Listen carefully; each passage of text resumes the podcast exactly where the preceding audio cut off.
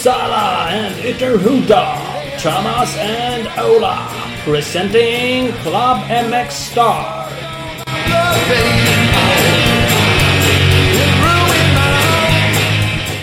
Oj, oj, oj, oj, oj, oj, oj, oj, oj.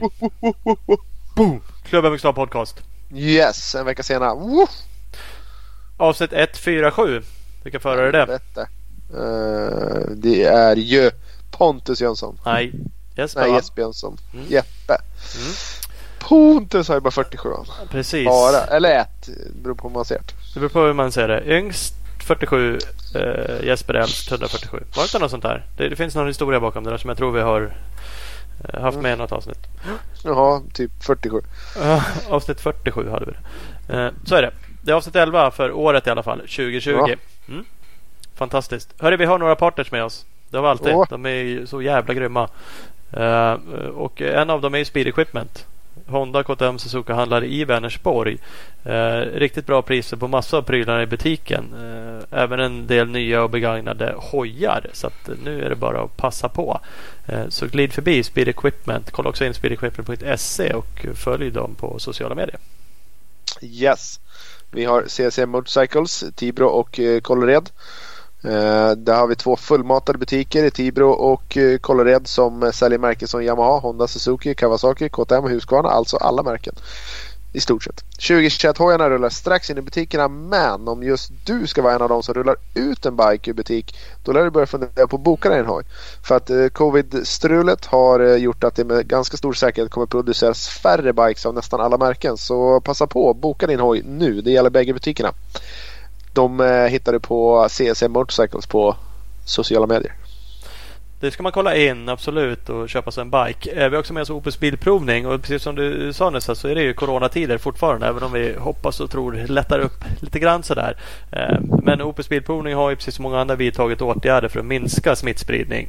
Eh, och skulle du förmodligen känna dig krassligare när du bokar en tid så har du alla chanser att boka av din tid utan att riskera högre pris. Så att, det är ju eh, grymt av Opus att ställa upp på det sättet. Eh, För att boka en tid, kolla in opusbilprovning.se. Yes. Eh, det, magiskt Ja. det. ja men så är det.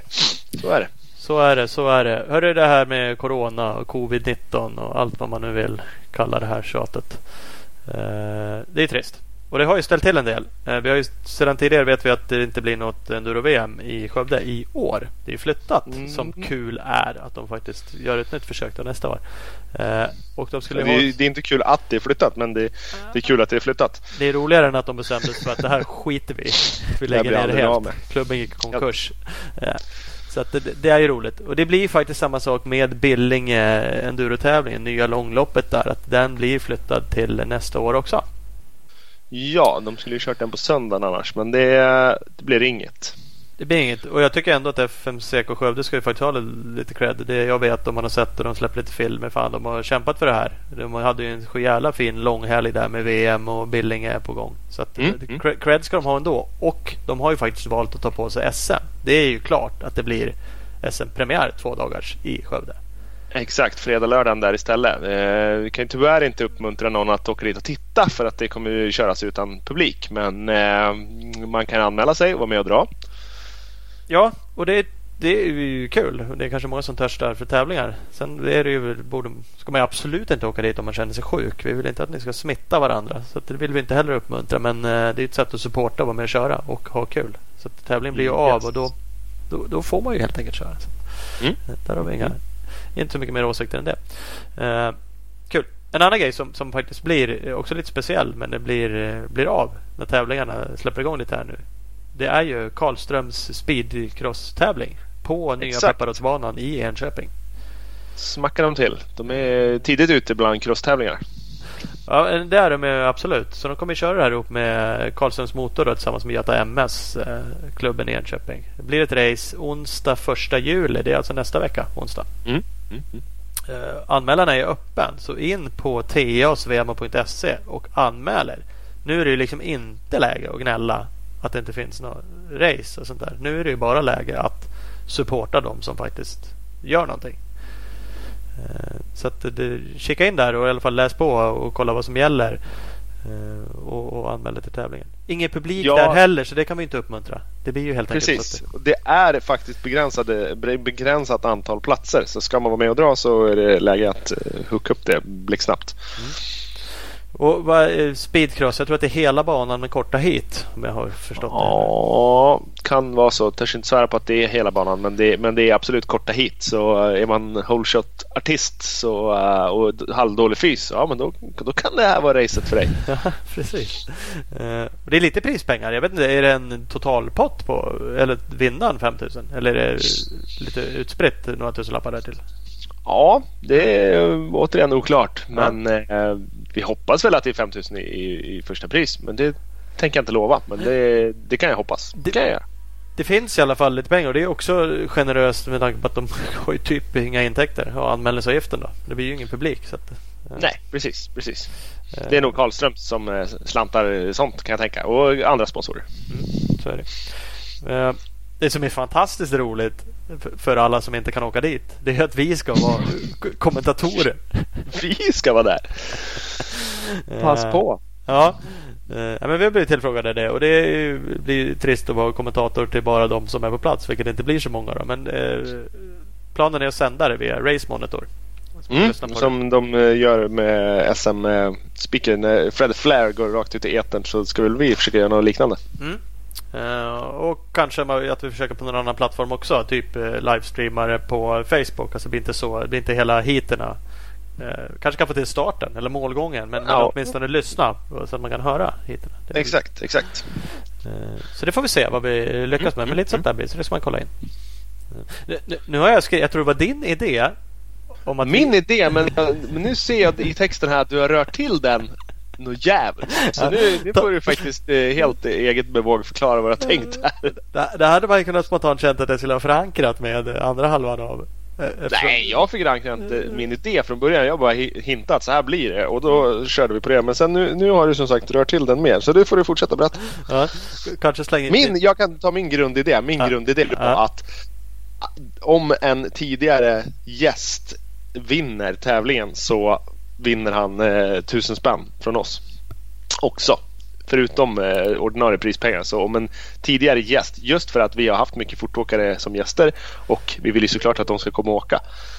Ja, ja, ja så om man precis. känner att man är en tidigare gäst och ja, känner för att vinna, då har man chans att vinna tusen spänn till. Sen har du ju eh, utvecklat det där. Det, var alltså bara vinnare. Jag trodde faktiskt att du hade lagt den, den tidigare gäst som placerar sig bäst får tusen spänn. Fick jag Nej. för mig att du hade sagt, men så var det inte. Den vinner man får man tusen spänn Ja. Absolut. Ja, men, då, då- kan inte jag fortsätta på det jag har sagt om inte du eh, här vid sidan om det förankrar summorna eller ändrar dem. Nej, kör bara. För, för, för jag skrev så här. Den bäst placerade tidigare Club MX Star podcastgästen får tusen spänn. Vilket innebär att Mhm. man kan ju då bli fyra då. 27 Ja, 27 och få 1000 Mm. spänn. Det är ändå Mm. 1000 spänn. Det, det tänkte jag så här, det är generöst. Då tänkte jag så här också. Fan, ska vi liksom... eh, Är det bara tidigare gäster? Det är ändå lite taskigt.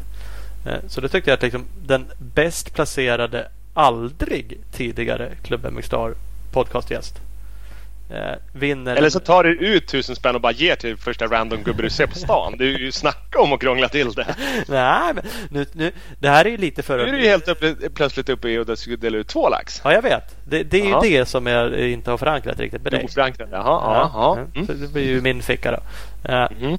Då tänker jag mig då att den som bäst placerade icke-gäst eh, får en möjlighet att vara med som gäst. Kanske inte hela avsnittet, men man får helt enkelt vara med i ett avsnitt. Och det, det finns ju ett värde i det kan jag ju tycka. Vem det nu blir. Det är ju roligt och det bygger man ju på något sätt ett namn. Och Fint. Det kan bli skittråkigt. det kan bli skittråkigt. Men, men det, det, det, det är ju vad det är. Det får man ju välja. Ja, stämmer. Men får man också tusen spänn, tänker jag mig. Så man kan vinna tusen kronor. Om man då tycker det är skittråkigt att vara gäst, då får man tacka nej till det. Eller så köper man starköl för tusen spänn och så blir man jävligt rolig. Och så dominerar man som gäst. Ja, ja det finns mycket options. Men det är 2000 spänn. Som vi då kliver in med. Gör vi det? Ja, det är klart vi gör. Motkravet som är Det är ju dels att man ska ju placera sig då, vara bästa placerade gäst eller icke-gäst. Men man måste faktiskt också ge någonting tillbaka. Så nu vill vi ju sprida den här tävlingen. Vi vill ju ha massa startande och vi vill ju sprida oss lite grann. Så att motkravet är att man helt enkelt anmäler sig till tävlingen och att man då måste också i sociala medier faktiskt dela att man har anmält sig och tagga oss. Eh, för då sprider vi ju tävlingen, tänker vi oss. Man ska, ju an, man ska ju anmäla sig till tävlingen på eh, TA, Svemo. Sen ska man lägga upp i sina sociala medier att man har anmält sig. Man ska ju bevisa att man har anmält sig och man ska tagga i alla fall oss, dig, eh, mig, Ola Torell och eh, Karlströms Motor kan jag tänka också. Ja, ja precis. Ja. Man får lägga upp en bild att man ska köra tävlingen helt enkelt. Exakt. och jag. då om man har gjort det då har man chans att vinna någon av de här tusenlapparna beroende på om man är tidigare gäst eller kommande gäst. Mm. Det är inte så krångligt. Det är inte så att vi behöver bevis på inbetalningar. Det handlar liksom nej, om nej, att pusha lite. Kom och kör. Ska pusha att fan, jag, kommer, jag kommer åka, ni börjar också åka. Ja, precis. Så är det. Och smäll med en liten tagg. Så, så gör vi. Och så får vi se om någon nappar på det. Om vi får dela ut lite pengar. Det är ändå lite roligt. Då supportar vi någon. Tusen spänn är Och jag kan också, jag, jag kan, jag, tusen spänn egna pengar till vinnaren om han åker i torkläder. Vinner man i torkläder då är det extra bonus på tusen spänn på det. Fy fan. Då, då, så, har vi några tidigare gäster så bara, då kan man ju vinna. Som alltså, torkläder. Ja, man, man, kan ju vara icke tidigare gäst och ja, vinna. Och åka i torkläder och vinna. Då är det två lax till plus ordinarie prispengar. Fy fan, det är värt att åka till Enköping. Det hör man ju. Det kan ju bli hur bra som helst. Mm.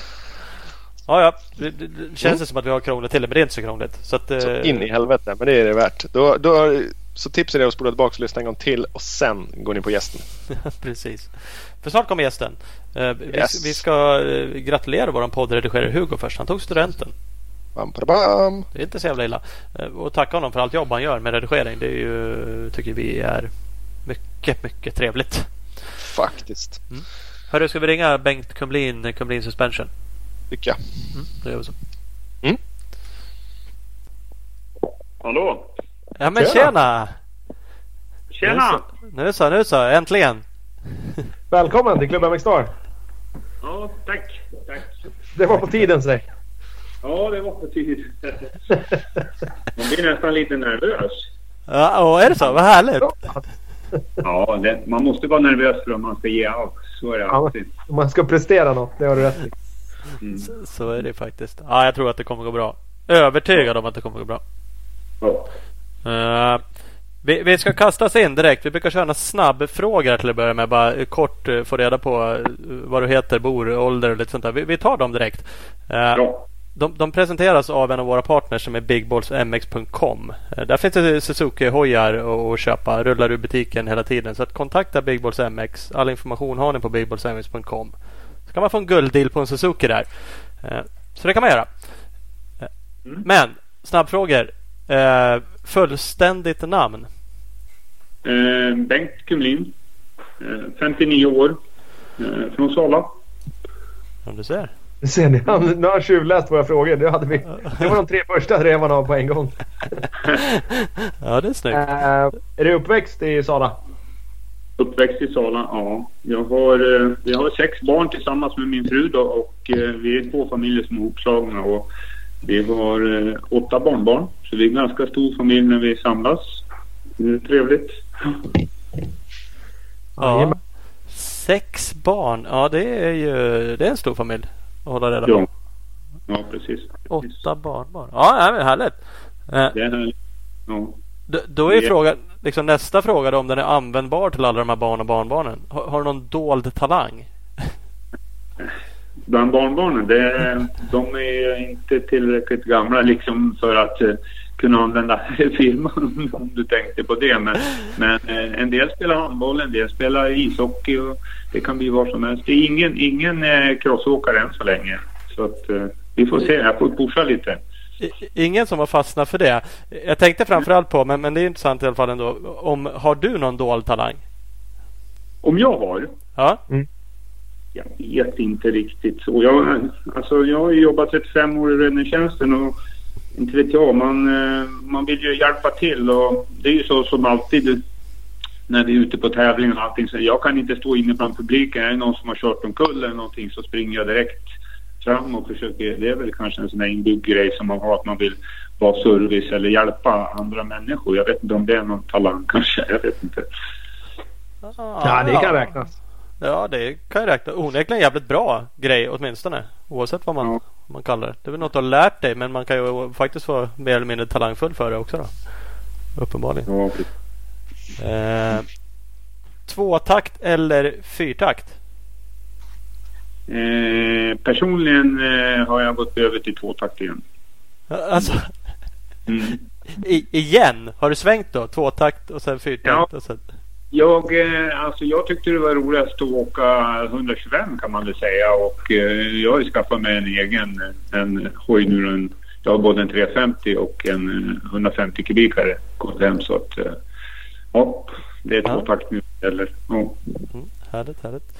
Eh, Favorit musikartist eh, eller grupp? Jag lyssnar nästan på allting. Radion måste vara på. Jag kan inte ha tyst. Det, det är väl det dilemma jag har. Jag måste ha musik. Men jag, har direkt ingen sådär... Scorpions är väl, kanske ligger varmt upp hjärtat. Det är väl många, många nya också. Men, men eh, de klingar väl lite extra kanske. Ja, det var ju skönt. Det var någon som drog i mig något riktigt. Annars brukar det vara dansband allt möjligt. Men nu var det Scorpions. Det, Ja, det passar bättre in på både Thomas och mig också tror jag. Ja, ja. Och mycket hårdrock var det ju ett tag också. Men jag tror att det har svängt lite mot, mot det där. Ja, ja, ja du ser. Eh, en, vi, vi kommer ju prata massa fjädring. Eh, Sista frågan eh, tenderar till det här. Cross eller enduroförare vad det gäller fjädring? Lite delat där. Eh, cross, men vi försöker att gå in mot enduro-hållet mer och mer. Men eh, ja, cross, cross säger jag. Är, det någon skillnad att ha att göra med dem om man tänker som personer? Hur de är när de kommer in liksom? Vad de vill få ut av det hela eller är det? Ja, jag kan väl... Ja, alltså enduroåkarna är väl... Alltså, de har väl ett, ett helt annat tänk tycker jag. Jag. Jag känner att det kan vara lite mer gemenskap bland enduroåkarna. De är ju flera, de är ute, de bygger banor och de hjälps åt och så. Crossåkarna är mer ensamma vargar, om man säger så. Så att enduron tror jag, ja, de, de försöker hjälpa varandra mer och, och ja, tror jag. Då kanske man faktiskt har fått testa någons grejer liksom och kommer in. För du fan jag fick prova polarns grejer här. Det var liksom så här. Att de har nå- någon gemenskap så. Vi, vi har pratat om det här jättemånga gånger. Att vi också tycker att crossen är hela känslan över det. Både tävlingar och personer. Man är mer som du säger ensamvargar. Och, Ja. äh, enduro. Mm. Mm, mm. Så att, eh, de, de kunderna kommer ju givetvis och det, det är ju så, det bästa reklamen, jag tror inte att du kan annonsera så mycket för att få, det bästa reklamen är ju nästan det som står på gaffelbenen, det är ju det som klingar mest, tror jag, och drar hit kunderna mest, tycker jag, Ja. som de kan ta sig av. Precis, ha, ha nöjda kunder som står i depån och berättar hur jävla bra de där grejerna är som du har byggt. Ja, det är ju så att om man misslyckas med en så då har man ju ringat på vattnet. Då har man tio stycken eh, missnöjda, alltså, eller ryktet sprids då. Så att det är jätteviktigt att, att ha just den här kundservicen och alltihopa det där. Det, det, det är nog pricken över i faktiskt. Jo, en dålig grej sprids ju jävligt mycket lättare av någon anledning och fortare också än, än om man har gjort något in i helvete bra. Det, ja, ja, okej, det var bra. Ja. Ja. ja, så är det. Så är det. Hörru, vi, ska som sagt prata massa fjädring. Eh, det är ju kul. Det är du duktig på. Och det är jättemånga av våra lyssnare som, som frågar oss och har frågat om ett sånt här avsnitt och vad det nu är. Och vi, vi får se hur djupt vi kommer på allting. Får vi köra Ja. mer avsnitt och bara total nörda ner oss någon annan gång sen. eh, Om vi inte Ja. får plats med allt. Eh, Men vi tänkte vi skulle börja lite med att att kolla av lite mer di- din egna karriär inom hojåkning. Jag försökte googla lite. Det var inte superlätt att hitta någonting sådär. eh, Gamla resultat eller någonting. Eh, Jag dök på en bild som det stod var från 84. Det var en 125 stod det också. Så hade du en eh, Camel Cigarettmärkesväst på dig. Körde. Ja, ja. Nej, det var väl så på våran tid när vi åkte då, om man säger att jag började redan eh, 75-76 började jag att köra knappecross på en sån här 50 kubikare som de kör i Linköping och har tävling med. Ehm, det var väl så jag började och, och rulla igång då. På den tiden fanns ju inget internet och det fanns ju ingen... Alla, alla resultatlistor lades ju inte upp på etern om man säger så. Så det går ju inte att följa dem eh, på samma vis då, om man säger Nej. så. Att jag är väl lite för gammal för att fastna med på alla de här sakerna. Så att, eh, men eh, det rullade på rätt så bra för mig eh, om man säger så 76 då. då jag vann ju nästan alla tävlingar jag ställde upp då. Så, så som tur var så då eh, gick det så bra så 77 fick jag faktiskt en frihoj. Eh, fick låna en, en SVM 50 kubikare från Hanssons motor då. Ja. Så så bra för mig. Men eh, det tråkiga det året var ju att jag fick, fick problem med njurarna. Jag fick inflammation i njurarna så läkaren sa åt mig att jag fick inte köra. Jag körde ett, ett SM eh, nere i ja, Sturup tror jag var. Jag tror det var Magnus Johansson som vann där nere och jag var väl kanske 8-10 inom hit där. Eh, sen fick inte jag åka något mer det året. Så sen, det var ju snörpligt då. Ja, du ser. Problem med njurarna, är det någonting man fick av hojåkningen då? Det där, där har jag tänkt på, inte analyserat så jättemycket, men jag åkte med njurbälte när jag var liten. Det var ju liksom en grej och man pratade om så här, hålla fast njurarna liksom då. Idag åker ju ingen med det där och jag åker inte heller med det och det är ju inga problem liksom. Eh, Nej, utan, utan det där var ju... Jag tror att jag sjuknade om tre gånger och, och käkade penicillin och då gick eh, bakterierna kan ju slå sig på lederna, på hjärta och njurarna. Och För mig slog det sig på, på njurarna så jag fick ligga inne. Jag tror jag var borta från skolan tre månader ungefär. Så det var surt. Ja. Det är helt klart. 77 och då eh, sen då, år efter, då fick du ingen eh, hoj. Då var det liksom... Nej, utan, eh, nej precis. Och då, då, då hoppade jag över 125 så jag började på 250 direkt då. Så då åkte ju alla Husqvarna och eh, det vart en Husqvarna för mig också. Då. Så jag kämpade på så gott, gott det gick. Då. Så jag tror jag var femma och sjua tror jag, i junior-SM i Skene. Det var väl någonstans där jag var. Någon tävling så. Annars så var det väl inget, inget annat riktigt. Ja. Sala var ju känt, serielaget var ju känt eh, bland de bästa. Så Per-Åke Hansson, Jocke Hansson, Rune Hedberg allihopa. Sala var ju, ja, det var ju riktigt bra åkare här då. Så att, men eh, ja, hade man tur så tog man en plats i serielaget. Så det var på den nivån det var ett tag. Ja. Det där, det där har vi också varit inne på, liksom både enduron och allt man från Skövde, Tibro. Liksom, det var så här, eh, VM varje gång brukar du säga Ola. Varje gång man var ute och tränade Mm. så var det liksom VM-racing. För att vi hade så mycket duktiga förare genom allting. Ja, precis, precis. Och eh, jag hängde ju på Karlströms motor varenda dag. Det var ju så man nästan skolkade för att vara där nere. Så det slutade med att jag fick jobba där. Så jag jobbade faktiskt där i fem år då, på Karlströms motor. Ja, Så det var mycket lärorikt för mig då. Plocka ihop många Husqvarna. För Bengt var, Bengt var ju den som sålde flest Husqvarna tror jag i hela, hela världen ett tag. Mm. Ja. Ja, du ser, du ser. Men, men, nu kanske vi hoppar, eller vad hände sen? Vi fick faktiskt en, en lyssnarfråga. Jag såg att du hade sett några på Facebook, men jag fick några på, på Instagram också. Eh, och Ja. Då var det någon som sa, det hoppar vi några år, men liksom stories från VM 83. Eh, Ja, precis. precis. Eh, mitt, mitt mål var ju egentligen att komma ut och åka VM då. För att komma ut i VM så måste man ju vara bra i SM. Så jag var väl en sexa, sjua tror jag på första 125-SM. Det var 83 i, i Hallstavik. Nej, det var i Östhammar. Förlåt, Östhammar. Ja, och då var, var man ju berättigad till att åka VM då. Så då stod ju eh, eh, Avesta för VM eh, det VM som kom som var svenska VM då. Så då kvalificerade jag mig dit då. Så, så tränade som fasen och det var lika varmt på den tiden som det var nu. Vi hade ju ungefär 30 grader ungefär i tre till fyra veckor innan VM skulle gå till stapeln. Så man fick ju träna någonstans mellan, mellan nio och halv tio, tio på kvällarna och köra i sandgroparna för att liksom hålla igång då. Så det var mycket löpträning på morgonen och, och körning i groparna. Men i alla fall så jag gjorde en bra, bra satsning och, och hade en bra plan för, för VM och kvalificerade mig då. Och eh, lyckades, lyckades väldigt, väldigt bra. Tog, jag tror jag låg trea i, i, i starten och eh, körde väl kanske ja, fem, sex varv. Och då vurpade, ja någon kom om mig så jag låg femma ett tag då. Men sen vurpade trean och fyran framför mig så jag hoppade rakt in i dem då. Så jag slog runt framlänges och där tog ju, tog det hit ett slut alltså.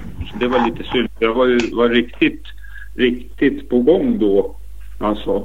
Och till, till saken ska, ska också förklaras att jag hade kommit på camelbacken på den. Min, eh, min eh, vad heter det, mekaniker var ju också läkare. Så han hade tagit ut kateterpåsar så vi hade gjort ordning på ryggskyddet eh, så att jag kunde dricka under tiden jag körde. Så att det var lite synd att man inte la in en patent på det redan då för då hade man ju varit först i alla fall. Ja, ja, ja. ja. Skönt. Mm. Kateterpåsar. Men det var inte intravenöst. Det var liksom att du drack ur en slang. ja, precis. Man drack ur slangen. Men det var, systemet var ju som en kateterpåse. Ja. Så att när jag slog omkull där precis för speedwaybanan där på långa hoppet så då höll jag ju nästan på att drunkna för jag fick en kallsup utav var, var ingen avancerad, var ingen backventil i det systemet. Det var liksom bara... Ja, ja, ja. Ja, men det var ju ändå liksom... Har, har du varit liksom funderat mycket kring det här som återigen fjädring och grejer. Det handlar ju om att tänka och greja och dona och testa och, och en sån där sak är också att man faktiskt ja, man gör ju någon form av analys då. Att här kommer det vara varmt som fan. Jag behöver få in mig vätska. Hur gör jag? Och så hittar man på någonting. Är det någonting du har haft med dig alltid liksom? Och vara lite sådär? Ja, jag har väl varit lite genom att, genom att jag hade, hade bra kontakter och så. Då, alltså John Norén som var, som var min eh, tränare och inte tränare men mekaniker och så. Han var tränare också. Då. Han, han läste i motocross action hela nätterna när inte han kunde sova. Och han, vi testade med allt ifrån allt, allt som de hade testat i USA. Det provade vi också. Och liksom här hemma och för att försöka bli bättre och så. Så det var väl, det var väl grunden alltså till, till hastigheten sen om man säger så. Allt ifrån att köra med mjöl och bromsa och du vet allt vad man skulle prova. Mm. Mm. ja, ja, men det är härligt. Men vart det något mer? Vi, eller det var inte bara en VM-deltävling 83 som var Nej. i Avesta? Utan, utan eh, hit nummer två då så då kom, då, jag kan ta det också, då, då, kom jag ut bland de sista och körde upp nu på ett eller två varv så var jag uppe på tionde plats. Eh, och det gick jävligt bra i sanden där och då vad heter det när jag eh, kom in på fjärde eller femte varvet så då hade den här ehm, det är, en, det är en fjäder som drar tillbaka växelspaken när man ska växla upp och växla ner. Då, genom smällen där när jag krockade eller hoppade in i deras cyklar så fick den en sån skaplig smäll så att den lossnade så att jag kunde inte växla så det var bara att svänga av när jag låg tia då. Så det var lite surt. Där har man funderat på mycket. Om man, om man hade velat önskat någonting så hade man väl önskat att man hade kanske kommit femma, sexa, tia där. Som har fått, det var ju bara tio som fick poäng också på den tiden så det var ju, det var ju väldigt, väldigt tufft alltså. Mm. Ja, ja, verkligen. Så det, det, ja, men det, det är ju ändå sånt som är kul. Då hade vi kanske hittat det om vi googlade. Ja, precis. precis. Och det var väl en, en ganska bra bild i, i Allehanda när, när man ser out stod det ju. Det är ungefär som man ska svänga av ungefär på banan där. Och där stod jag utan stövlar och och, och de drar av mig i banan så det var ju ganska bra, bra bild de hade tagit i tidningen faktiskt. ja, onekligen, onekligen.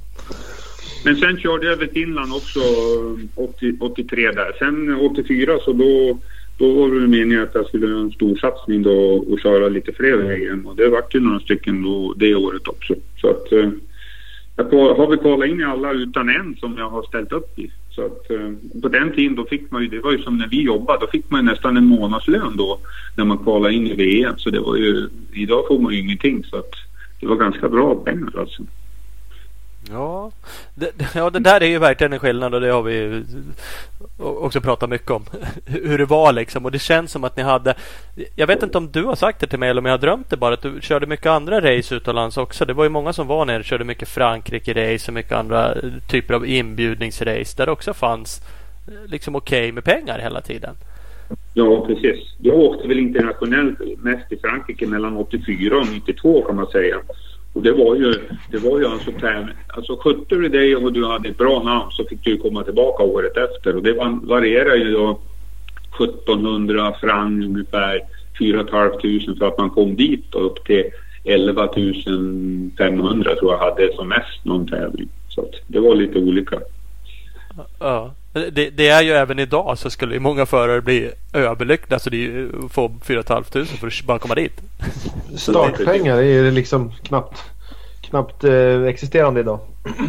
Nej, det är ingenting. Så att, eh, det, det, är lite tråkigt faktiskt för dem som lägger ner så mycket energi också. Ja. ja. Mm. Mm.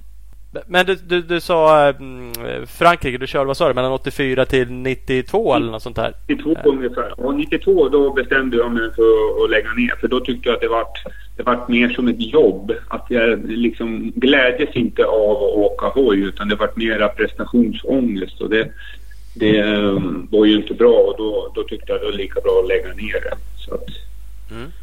Då, då officiellt slutade jag. Sen hoppade jag med och åkte några gånger lite ja, någon serietävling och någon SM-tävling. Jag tror, jag tror jag var värst innan de slog mig för jag åkte SM med 125. Jag tror att det var 99 eller om det var 2000. Då var jag sexa och nia i ett SM hit. Då var jag 39 år.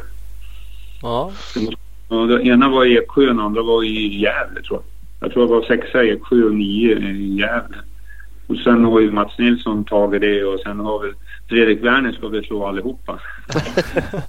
kommer aldrig, aldrig sluta. Han ska liksom ta ett sånt där rekord som ingen annan kan slå någonsin. ja, gubben i lådan. Men han är fortfarande fightad. Så det är, han, han åker fort. Det är intressant att se faktiskt. Ja, det är onekligen imponerande. Nu, nu har de liksom aldrig riktigt slutat och det är väl det som eh, gör att de kan hålla i det. För att fan, jag ja. tycker ju verkligen att det blir svårare. Det är jag ju bara strax över 40 men jag kör så lite nu för tiden så det är verkligen uppförsbacke hela tiden. Jag känner liksom hur mycket ah, ja, på något sätt sämre jag blir. Och det, ja, det är inte helt lätt liksom, med åren att upprätthålla den där speeden som de gör. Liksom, och som lappen gjorde super, super länge. Och, ja, även idag skulle kunna göra på ett Gotland åtminstone. Liksom, och körde med någon serie hit förra året med okej okay resultat. Liksom. Det, det är imponerande. Mm man tappar ju tajmingen och så tycker man ju hoppen har ju blivit... Alltså kroppen har ju sänkt, sänkt lite grann från om man säger på 90-talet till, till nu. Det är ju liksom mer rough, tuffare körning och det är liksom inte så mycket tekniska Dick Riber eller Tole Hansen eller det är väldigt, väldigt få. Men Viktor Björklund är väl den som har mest tekniskt åkande i sig tycker jag just nu. Eh, om man kan titta på det. Det finns säkert några stycken fler också men men eh, han har en otrolig teknik på jordbanor och sådär. Det ser man ju i racen och så. Ja. Ja, mm. det, det, det är kanske något annat. Det, där kan man ju sakna. Jag gillar ju banor, kanske inte att köra dem själv, men som är tekniskt svåra. Sådana tekniskt svårt som man inte ser. Inte svåra hopp, utan det här feldoserade, stenhårda kanske. Eller liksom som man när man själv åker på det är fullständigt omöjligt och man fattar inte hur någon kan ha fäste här. Och så kommer en sån som, som du kanske säger Viktor Björklund och är som limmad liksom i backen där man, man fattar inte hur det är möjligt. Och det är ju för att de har någon helt otrolig teknik liksom och balans på cykeln och trycker sig alla rätt, rätt liksom. Och det är imponerande. Ja. Ja. ja. Äh. Men, det går väl åt det hållet. Det är liksom, vi, vi tittar ju på USA och vi, vi följer ju National. Alltså vi följer, det är tuffare överallt. Och banorna är ju liksom, förr körde man ju SM en klass bara. Nu kör man ju U17, tjejerna, MX2, MX1. Det är alltså så trasiga som banorna är alltså nu. Det, är, det har vi aldrig haft någonsin alltså. Så att, andra sidan sett så körde vi 40 minuter plus två varv så att det var väl lite tuffare kanske på det viset. Och då visste man ju alltid att de här ungtupparna som kom fram, de, efter 20 minuter då kunde man ju lätt åka ifrån dem för att då hade man krafter kvar. Så att man behövde aldrig stressa och det var ju typiskt Sven Berggren som var en av de han kunde ligga och harva på 20 plats i 25 minuter och sen var han i alla fall topp tre i, i mål. Om det var sandbanan liksom. Så att, var, då behövde man inte stressa på. Nej, det fanns tid att vingla med. Vad sa du? Ja, det fanns tid att vingla med då alltså. Det gick att ja, taktika lite. Precis. Nu är, det, nu är det starten otroligt viktig. Det är ju så eh, goda allihopa de här. De, det skiljer inte så jävla mycket mellan dem och då starten blir så otroligt viktig att få, få rycka, få lite eh, vingar och luft mellan vingarna och sen få, få lite andrum där och kunna dra på. Och Mm. slappna av lite. Då, Ap- Apropå det då, kommer att tänka på nu starten. Starten och eh, fjädring. ja. Gör man något där tänkte jag säga, men det, det gör man ju. Det var ju inte superlänge sedan. Det har funnits förhållandevis många år nu. Men att man trycker ihop gaffeln exempelvis. Det finns ju även eh, grejer där man faktiskt trycker ihop länkaget. Det känns inte som riktigt lika många åker med. Eh, finns det annat man skulle kunna laborera med där man faktiskt skulle kunna gambla då med att få en lite sämre fjädring i heaterna men optimal för starten? Eller?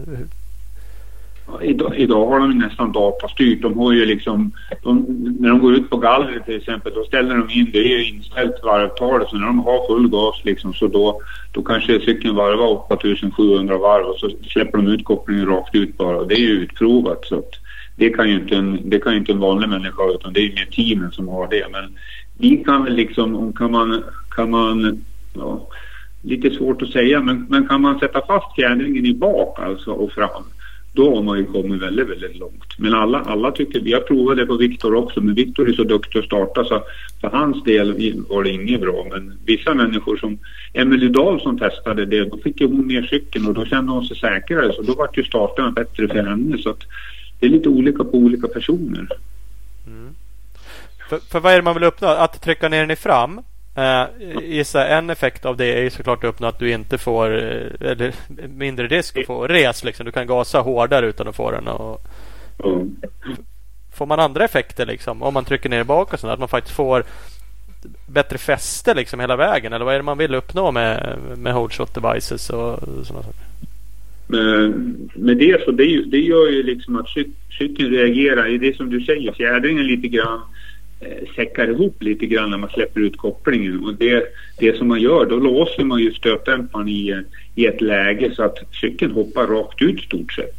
Mm. Och det, det där har ju funnits egentligen sedan 2009 men det var väl inte förrän 2015 som Kawasaki hela teamet körde med det där när de var i, i Asien och körde. När nästan alla Kawacyklar var etta, tvåa, trea, femma och sådär. Då började alla andra team ta det där. Nu kör nästan som eh, jag tittade på lag-VM så Anderson, all, alla hade liksom det här systemet utav de här toppåkarna alltså. För att kunna låsa bak, bakfjädringen.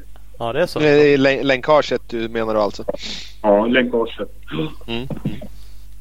De, att, eh, ja, de gör det. Så jag, jag har inte tänkt på det. Jag minns för några år sedan när det där kom. Jag kommer inte ihåg vem i Sverige jag såg som först.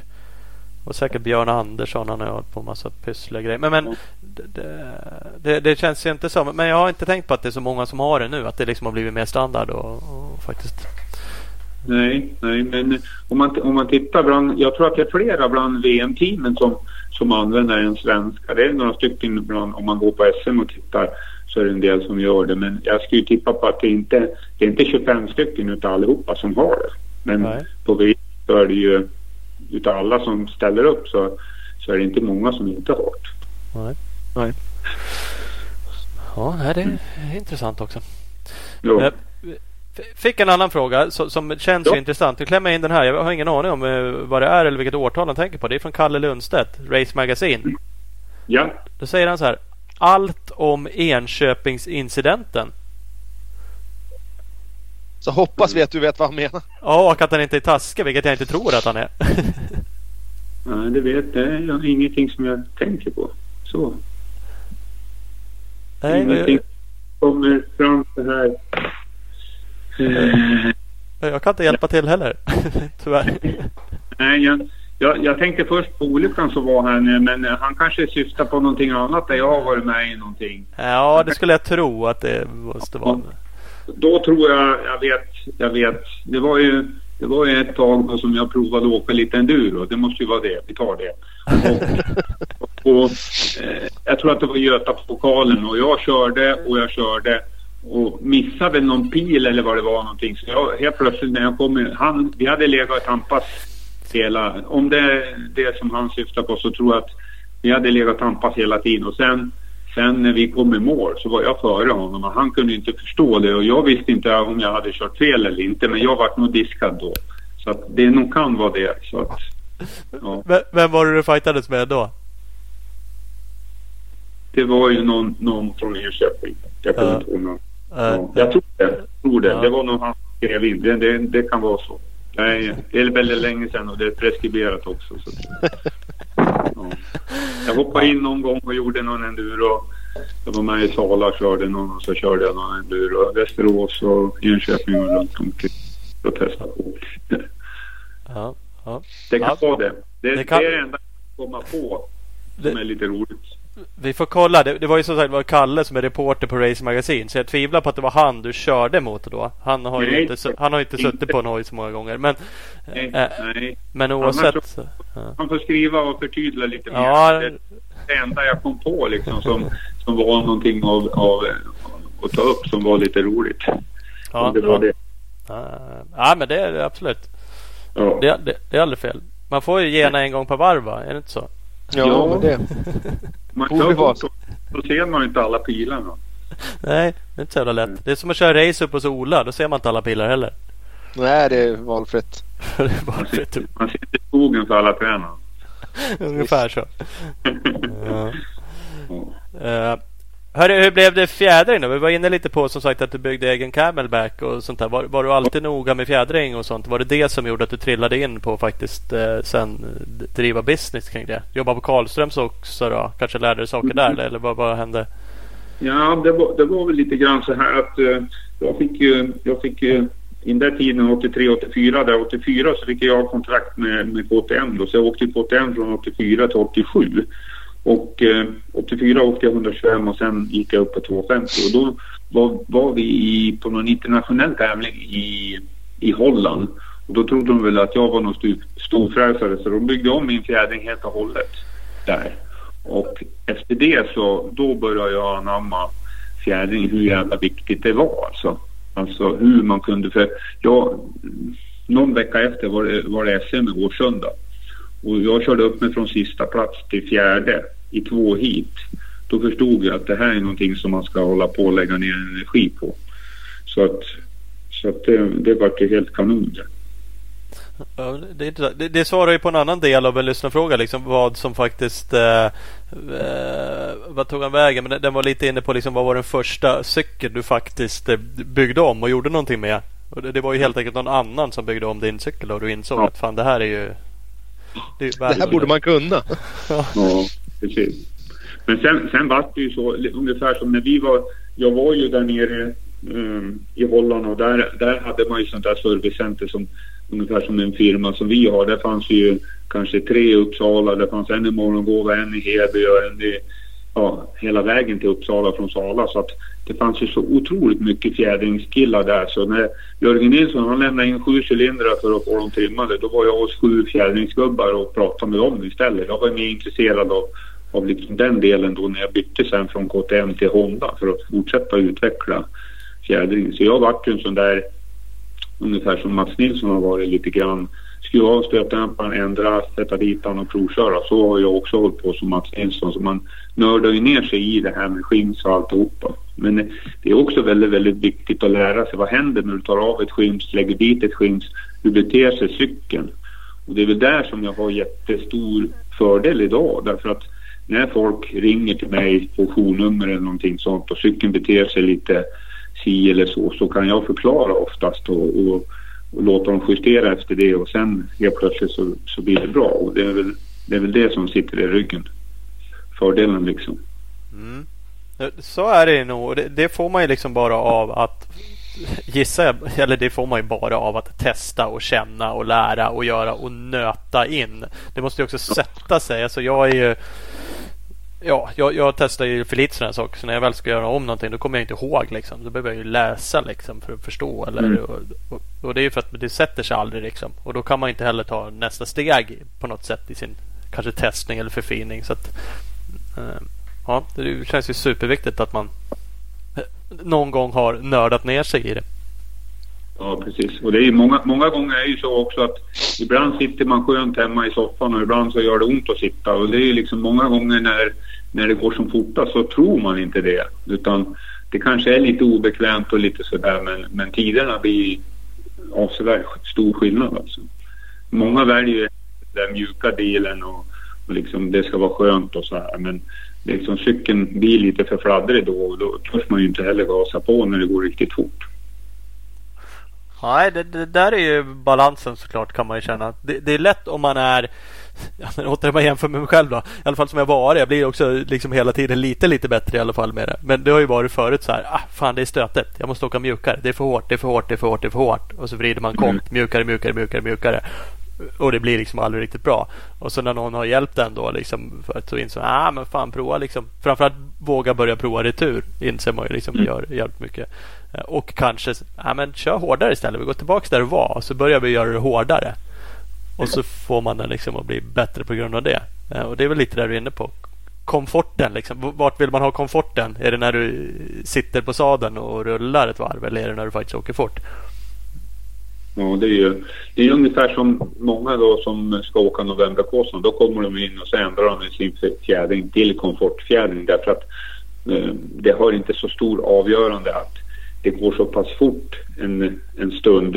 Utan det är liksom ett långt lopp. Du ska orka åka hela loppet och du ska ha så minimala ja, trötthetssymptom om man säger så. Då. Så att det är väl det, därför de väljer den linjen då. Mm. Ja. Det hur, vill, hur vill man ha en förare? Vi fick en lyssnarfråga från eh, Adam Andersson. Mm. Eller han konstaterade bara eh, att är jag den sämsta på att ställa in äh, fjädring? Så att du får mer ett konstaterande. Nej, det, det, tycker jag inte. Utan det är, det är väl så att liksom, om man inte nu, så, som jag gjorde, då, liksom, var med och testade så där mycket. För man lär sig så otroligt eh, också under tiden. Uh, är du med och, och kör väldigt, väldigt många olika tester och sådär då liksom blir man mer intresserad också. Man, man liksom blir hungrigare för att göra. Annars så kan man köra med sin fjädring så tycker man det där är skitbra, det funkar bra. Många gånger så är det bra också men, men liksom för, att, för att ta en nivå extra liksom, det är ju så många små differenser som, som ska göra en riktig vinnare om man säger så. Då, då är ju den, den delen med också, helt klart. Ja men, hur vill man då att någon, alltså optimalt kanske är då i och för sig och, och nörda ner sig och bli väldigt, väldigt duktig själv. Men många tar ju då hjälp av, av dig. Även de duktiga. Du hjälper Anton Gole. Vi ska komma in lite mer på det. Adam Andersson, en av de bästa enduro vi har. Eh, och de liksom går ju till dig för att de vill ha bra grejer och, och de vill ha bra hjälp. Mm. Men, men, men hur, hur, tycker du att de ska vara då? då? Ska de, är, det, är det optimala om de också, om ni är ute och testar? Är det, är det, hade det bästa varit om Adam kommer in? Du, det är kickar där borta så att jag tycker att vi vrider eh, tre klick långsammare retur. Eh, så att han helt enkelt vet själv. Eller att han kommer in och har gjort i alla fall en analys av att ah, det känns inte riktigt bra där. Den beter sig så här. Men att ja. du får ta beslutet vart, vart ni ska liksom med fjädringen. Förstår ja, du vad jag... Ja, jag förstår. Många gånger då är vi tillbaka till supportnumret här när man ringer till oss på, på tävling. Jag brukar säga så här, ring till mig när du är ute och tränar eller tävlar. Jag vill inte prata med dig när du sitter i bilen och åker hem för då kan jag inte hjälpa dig. Då blir, det, då blir det bara ett, ett case som vanligt att man lämnar in. Utan chansen, chansen när man är ute och så har man ett problem någonstans och så ringer man och så säger man du jag har problem på fjärde gropen som kickar han. Och då kan man konstatera direkt att troligtvis så packar han ihop sig i bakdämparen då och sen kickar han upp sig. Kickar han på första, ja, då kan det vara för, för snabb retur. Så att det är liksom de här signalerna som man eh, vill ha utav föraren och då kan man ju liksom samtidigt om de har ringt mig då 20 gånger ett år så kanske nästa år så då blir det 10 gånger. Så att då är de med på liksom hur cykeln beter sig och vad jag ska göra. Så att det blir en, trots det blir en information, en, en, typ av utbildning som man också har med kunderna som ringer.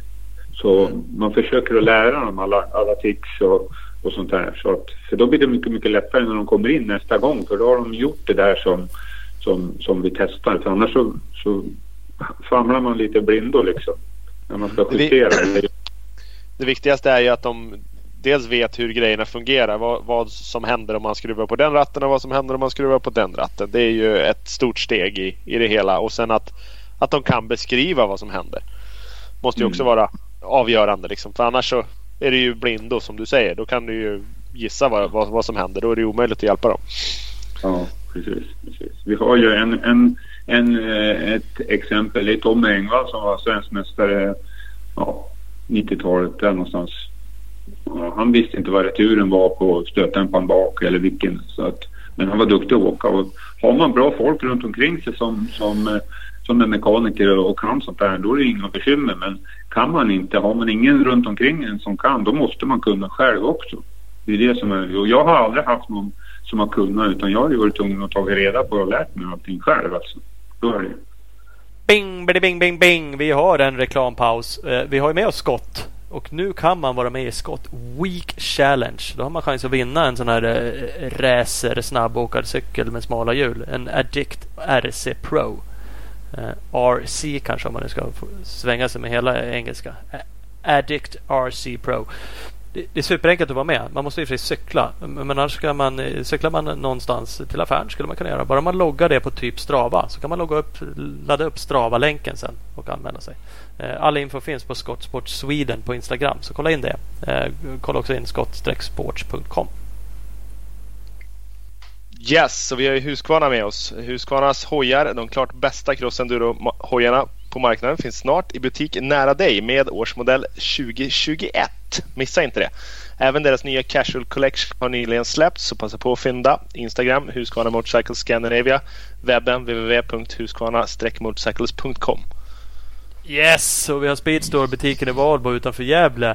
Och som sagt, precis som du nämnde nu, nu på fredag så kommer första Husqvarna 2021 Enduro in till butiken i Valbo. Och under nästa vecka så rullar det in 2021 krossar. Så det är bara att passa mm. på. Sväng upp utanför Gävle där, Valbo, in i butiken, kolla lite grejer.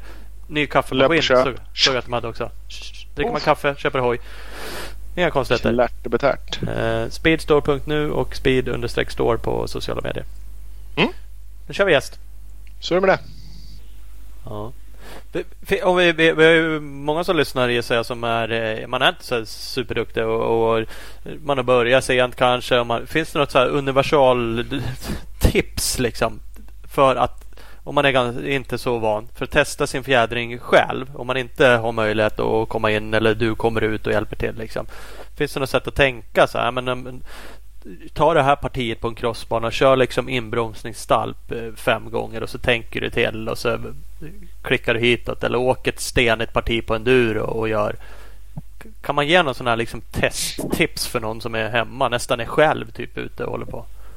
Ja, det kan man. Först och främst så för att man ska överhuvudtaget kunna skruva på en skruv överhuvudtaget så är det viktigt att man ser till så man har rätt häng och det på, på, på, på fjädrarna. Så man har schyssta fjädrar. För annars så spelar det ingen roll vad du gör med skruvan. Om du har för mycket häng i bak då, kan du, då, då svänger inte cykeln som man ska ha eller sådana saker. Så att har man schysst eh, fjädrar då kan man lätt Sen är det lätt att tänka så om, om, man, om, om det går sakta till exempel eh, i stenrös och sådär då, då bör man ju ha lite snabbare alltså så, så han hinner ut stötdämparen. Kör man i, i sanden till exempel där det går tyngre och det är gropigt, ja då kör man lite långsammare retur. Så man, man justerar cykeln lite grann efter underlaget. Då är man, det är liksom sån här topp som man kan tänka att ja, här går det fort och det är mycket sten och så. Ja, då kan, kör jag lite snabbare retur då. Då hinner ju fjädringen ut och ta nästa sten liksom istället för att han bygger ner sig och, och blir hård då, eller kastar i sidled eller någonting. Mm, mm. Så det är väl en sån där grej som man kan testa på. Det är en sak som, är, som gör det jäkligt mycket svårare med en endurofjädring tänker jag att ska man åka ja, en, en endurotävling så, så innefattar det en bana med sten, sand, jord, eh, allt möjligt. Men mm. åker du till Salas crossbana då kommer du inte ha nytta av en sandsättning alls utan då är det hård jordbana, punkt slut. Ja, ja precis. Så att en, en endurofjädring kan du liksom aldrig få 100% till en hel sträcka. Nej, nej utan då, då får man ju lägga någon, någon, någon sån där eh, grund som, som klarar bägge delarna. Liksom halvt. Liksom, man kan ju inte bli bäst på sten. Stenpartier går ju, går ju långsammast. Men på ett parti där det går riktigt, riktigt fort skulle jag ju justera fjädringen för det istället. För där tjänar du mest tid. Tappar, ja. du, tappar du snabba partiet då gör det mer än att du åker lite saktare på stenarna liksom. Precis. I totala tiden. Så att, man kan ju justera lite efter om man nu vet vad, hur sträckorna är och så. Det är en intressant eh, tanke faktiskt. Om man nu har målsättningen då att vara snabbare. Vilket många ändå har. Även om man är motionär eller elit så vill man ju liksom komma så bra som möjligt. Att mm. göra en, en hyfsad sån liksom ganska enkel analys. Ja, det, det, är säkert lätt att känna så här, fan vad det slår på stenarna. Man tycker liksom det är där jag ska lägga fokus. Fast rent fartmässigt eller tidsmässigt är det det minst viktiga. Liksom. Fan det där stenpartiet är 15 meter. Det spelar liksom ingen roll om du tappar lite tid där. Eh, jämfört med att tappa på det där långa, långa gräsgärdet. Eh. Ja. ja. Och det, det, är väl det lite grann som man, man hör ibland bland eh, motionärer sådär att alltid diskutera stenpartier eh, och sånt där eller någon häll eller någonting sånt där. Det, det är liksom så liten del utav kanske banan men det kan ju vara, du kan ju åka till Hofors och åka SM där eller du kan åka till Hedemora eller du kan åka någonstans Gävle, där är det mycket sand.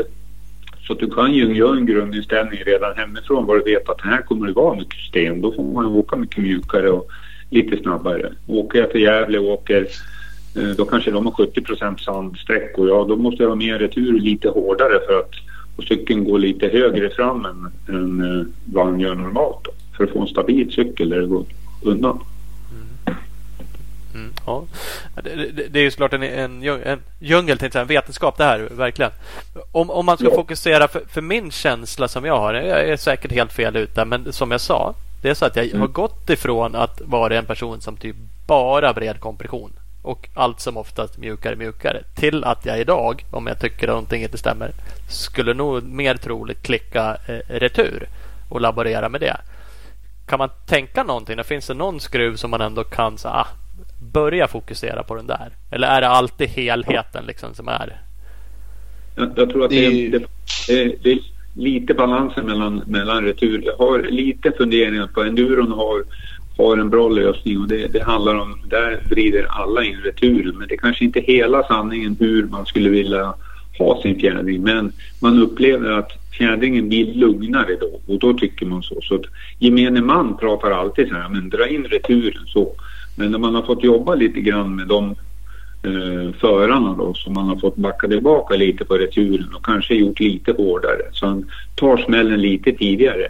Så plötsligt har det blivit fjädringen mycket mjukare fast han är hårdare.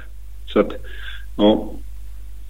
Det, man, man, får nog testa fram lite. Men det är som jag säger, du, du kan nog ge på kanske lite. Oftast när man säger att en, en förare säger att ja, den är för hård och den står i händerna och allting sådär. Då kan han faktiskt vara för mjuk när han går ner i ett läge och jobbar och där, är han, där blir han hård istället. Mm. Så att det är liksom lite svårt att lyssna hela vägen på föraren också. Man, man måste väga in alltihopa i, när man ska göra en justering. Mm, mm. Så är det ju helt klart. Eh, jag vet inte om du har en aning om hur, vad jag åker på för nivå. Eh, men jag skulle liksom kunna placera mig hyfsat i ett eh, långlopp i min motionsklass. Så kan, mm. kan väl åka på okej okay ibland. Och jag är ändå en sån här ännu mer nu på senare år. För att dels tycker jag att jag åker så lite så jag bara, jag tycker inte det är värt att lägga snudd på tiden och åka typ till dig. Känner jag bara så nej jag har inte, jag måste vara hemma typ.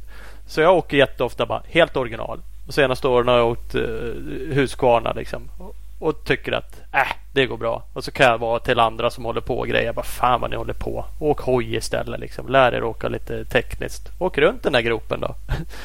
så, så, att jag gör ingenting. Bytt fjäder någon gång. Ibland gör jag knappt det. Är, är man en fullständig idiot då oavsett nivå om man liksom inte lägger energin på. Skulle det vara värt så mycket mer i åkningen? Hur skulle du prioritera? Jag säger så här, åk mer hoj. Nöt ut, köp lite däck och nöt ut dem istället. Ja, det, det, det men också, också om man säger så här, om man har en riktig, riktig det beror alltså på hur mycket man åker, men om man har en riktigt bra fjärring och, och då, då liksom blir ju känslan en helt annorlunda. Du, du alltså kommer ju att känna att cykeln går ju eh, betydligt mycket bättre och eh, ja, du, du, du, får bättre fäste och du, alltså det blir så många plustecken men det är frågan hur mycket tid lägger du? Åker du 10 timmar om året eller åker du 50 timmar om året eller liksom sådär va? Så att det beror lite på vad man är också. Det är, det är samma, man har barn, man har familj.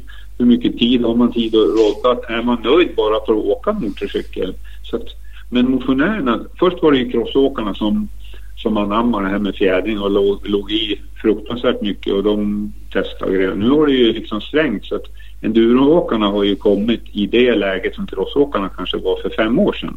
Så att idag är det ju liksom jättemycket motionärer som köper eh, bra fjädring och sätter på hojen och sen, sen säljer de hojen och så har fjädringen kvar till nästa hoj. Och det är liksom lite sådana grejer som, som eh, sväng, har svängt till tycker jag. Mm. Jag, fattar ju också faktiskt bara med åren. Så jag åker mindre och mindre hoj. Men jag vet inte om det är åldern som har gjort det så blir jag mer och mer eh, känslig och förstår. Jag åker fortfarande mina originalgrejer men jag kan faktiskt ge mig ut ibland och så kan jag känna så här, fy fan, varför bara fixar jag inte det här?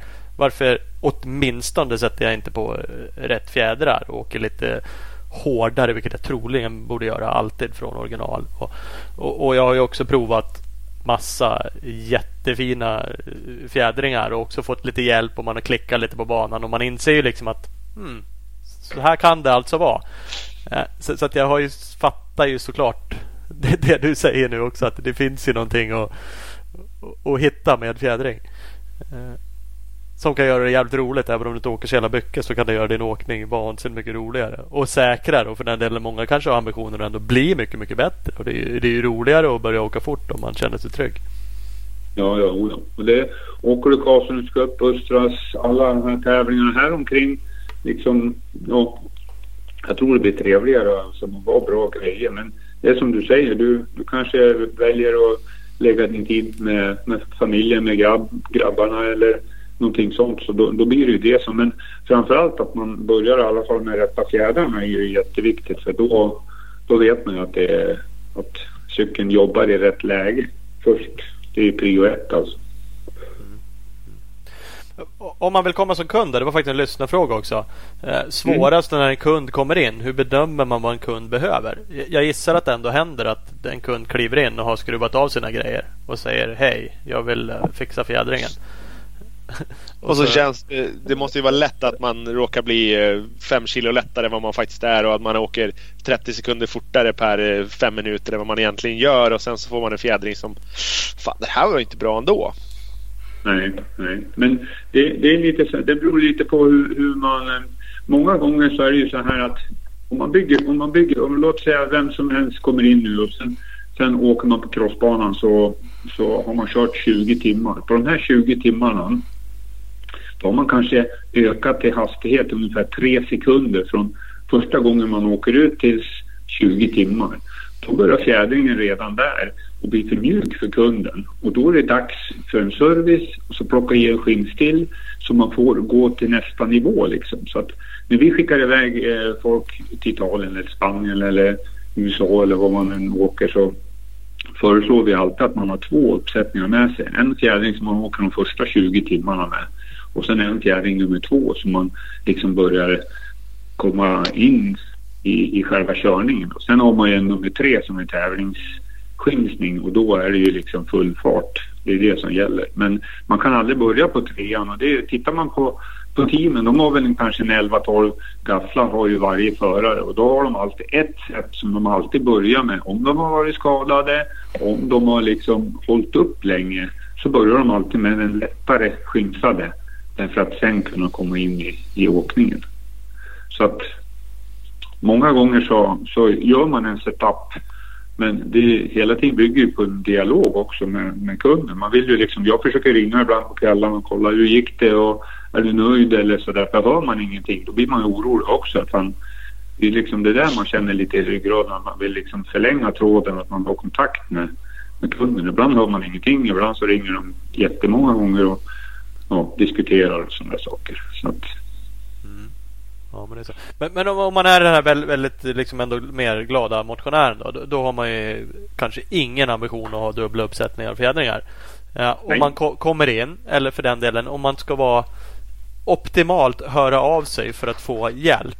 Va, vad är det du vill att de ska liksom ha funderat på? Vill man ha en ärlig vikt på föraren? Vill man ha en ärlig fart? Eller vill man att de faktiskt har gjort de här lite testerna som vi sa. Kört lite på en bana och liksom eh, fått någon feeling av hur den beter sig? Eller finns det liksom någon hur borde man vara som en nybörjarmotionär kund när man kommer in till det? Liksom? Nu, nu har du chansen att uppfostra.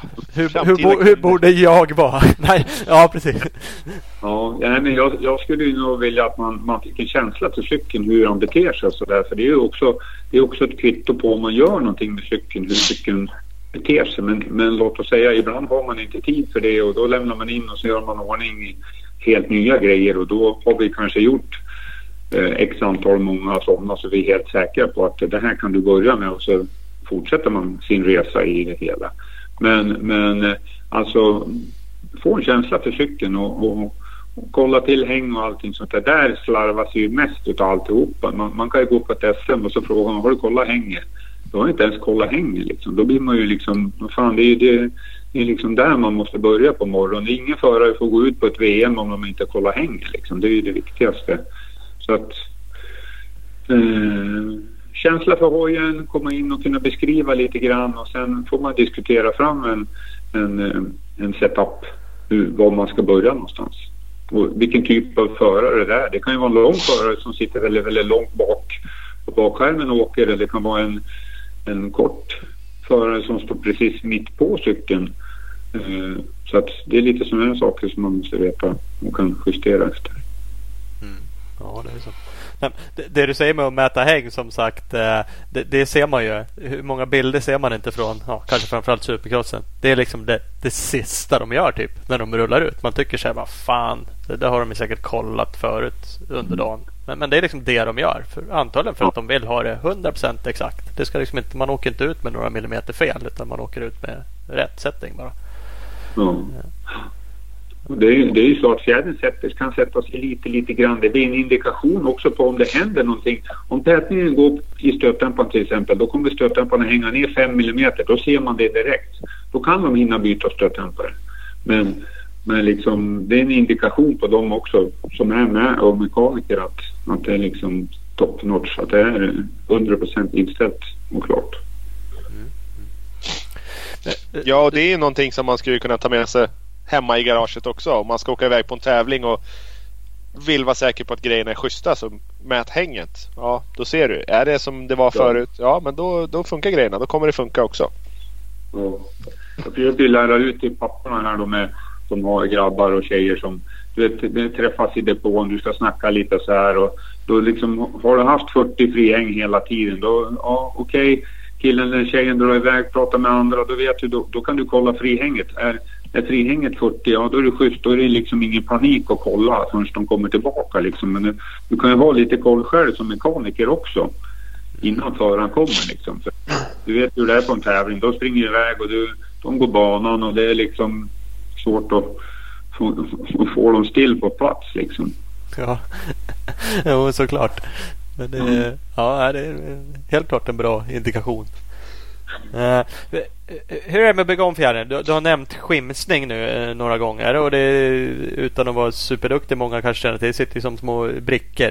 Skims ja. i fjädringen liksom. Och det är det man ändrar för man ändrar eh, oljeflödet va? Mycket liksom hur det ska ja. bete sig.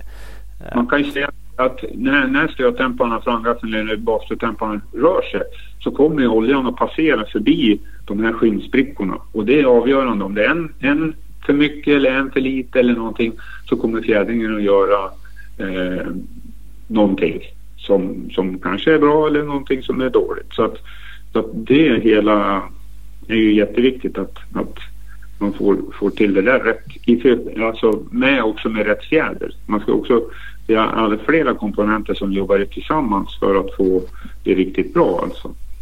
Så att skimsningen, förr då hade man lite skims och hårdfjäder. Sen hade man hade man mjuk fjäder och, och mycket skinn så det, så det har ju varit lite modigt där fram och tillbaka också. Mycket hydraulik liksom i, i systemet.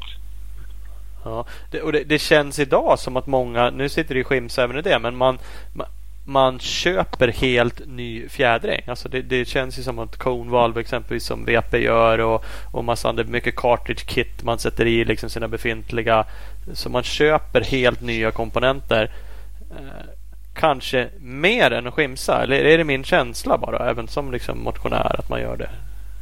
Nej, det har ökat väldigt, väldigt mycket och det, det kommer ju från alla leverantörer. Både Showa, Kayaba och, och VP kommer med insatser som man kan, kan förbättra sin. Man kan väl säga så här, om man har en originalprodukt liksom, så, så kan man ju liksom olika, olika saker, olika produkter kan man ju förbättra sin fjädring ungefär 50 procent. Sen funkar inte den fjädringen och få något mycket bättre. Sen om du vill, om du vill lägga ner 15 000 för att få den så eller sen måste man, man måste göra någonting annat. Antingen byter man insats och får en annan insats eller också eh, byter man till en konvals eller man byter till någon annan produkt som är bättre, bättre system i. Då får man givetvis en mycket, mycket bättre fjädring. Mm. Det, ja. Jo men det är så. Det, man, man pratar ibland om att alltså en motorcykel idag kostar ju liksom Ja, men det är mycket pengar. I hundratusen liksom idag och man tycker att vad fan får man inte eh, raceklara grejer. Liksom. Får jag en fjädring som, inte, som jag måste bygga om för 15 000 eller köpa en ny för 40. Det känns ju helt orimligt. Eh, samtidigt så fattar jag också att man bygger ju saker för, för den breda massan också. Den här fjädringen funkar ju kanske eller den funkar uppenbarligen. Jag åker i original och gör alla möjliga saker så det går ju. Det är inte så att det är okörbara grejer som sitter original. Uh, och, så, så, det är väl jag vet inte exakt vad jag vill komma men det är liksom Gissa, det, det, är bra grejer även original. Men ska man komma hela vägen som du säger, och du kan göra 50% genom att skimsa och greja. Sen måste du liksom byta saker och ting. Ja, man, man, lär, ju, man lär ju lägga i lite. Och för, fördelen på det kanske, då är ju så att om, om du köper en insats eller om du köper en annan gaffel, då har du den kvar. Så får du kosta på skimsning och, och, stoppa i massa ventiler och grejer som en del gör och sådär. Då när du säljer cykeln, då är de bortkastade de pengarna liksom. Så att, eh, ja, nu har det blivit så så folk köper ju, det kommer ju nya cyklar titt som tätt så att, så att eh, man hinner nästan köpa två årsmodeller på ett år. Förr då var man ju så intresserad, då var man till mässan och så fick man se alla nya cyklar idag. Idag kommer det ju nästan två modeller på ett år. Ja. Utav vissa leverantörer. Så att, mm. Ja, jo det gör ju det. det, gör det. Men, men kan, nu, jobbar du med det i typ alla fjädringsmärken va? Eller vilka har ni? Ja, vi är, vi är ju servicecenter för, VP och Kayaba och Showa. Ja. Öhlins, Öhlins är vi inte servicecenter för. Men eh, vi jobbar med, med de tre och de, det är de vi satsar på. Ja. Uh, om man kliver in då, nu, nu jobbar jag med dem och inte med de andra så det blir, det blir en svår fråga liksom. Men, men bara om, om, pengar finns då? Och vad, vad, är, vad rekommenderar den liksom? Om man kommer in som hyfsat satsande elitförare. Inte topp kanske. Hej, jag vill ha någonting. Vad, vad är det liksom? Ja, det, Oftast har vi en fjädring som vi lånar ut som folk får testa och det kan vara en showa och det kan vara en, en VP-fjädring. Vi har ju demogrejer som folk, folk får testa. Så att ingen, vi tar ju, ibland så tar vi ju inte beslutet utan de får prova grejerna först och sen får ju de Alltså känner de sig trygga och de vet att vi har bra support på den här grejen och det, då, då kanske de väljer ett lite dyrare alternativ. Eh, om de känner sig alltså, att det funkar bra. Mm. Sen är det ju alltid, man kan justera alla grejer alltså efter förhand och så vidare då men, men många av de här grejerna är ju, är ju så att du kan sätta igång och köra en SM-tävling och vinna ett hit med dem direkt liksom. Ja. sådana bra produkter finns det idag. Mm. Ja, det känns det onekligen så. Det, vi fick en lyssnarfråga också. Det kanske kan gå in lite på det då. Och jag vet inte hur mycket du vill eller kan avslöja. Men eh, Anton Gole har du hjälpt i, i flera år nu. Eh, ja. Han är en av våra bästa crossförare. Kör VM eh, och är ute och drar och sånt där. Vad, vad, vad, kan vi berätta om hans fjädring? Är den superspecial eller är han petig på något sätt? Eller vad gör ni med hans grejer? Uh, han, han skulle man ju kunna använda som vilken testförare som helst för vilket märke. Han är otroligt duktig att känna. Ja. Han kan ge feedback tillbaka. Uh, därför är det roligt att jobba med, med Anton. Vi har hållit, hållit ihop sedan 2016 och uh, nu kom han in lite sent i Honda så att, men med Yamaha så där hade vi nästan sex månader på att testa testa igenom allt som, som, som man kunde komma fram till då med just med standardgrejer då. Om vi säger ja. så. så. De har valt och kört standardgrejer eh, hela tiden med Yamaha. Då. Och sen nu vart det Honda då, så, så nu här på slutet då, så, så fick vi låna en, en Showa-fjädring från Showa bara för att han skulle få testa och det vart en stor, stor skillnad så att eh, nu, går det, nu går det undan. Han kan han åker otroligt fort alltså. Ja. Men, det, men låna, snackar vi då liksom fabriksgrejer? Är det VM-toppförargrejer eller vad? Jämfört Ja, så- liksom? med- Ja, så, så som han har nu så har han samma som VM-åkarna har, som de kör med. Och det är ett, det är ett A-kit, Showa A-kit Ja. som eh, de, de kör på.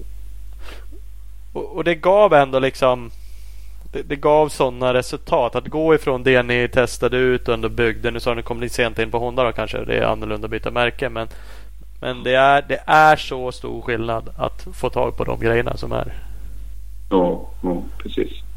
Sen är det ju supporten bakåt och hela vägen med oss och, och connection med Showa. Att vi kan få olika skymsningar och allting sånt där. Och så, eh, nej, det ser, det ser riktigt bra ut när man tittar på, på Anton faktiskt.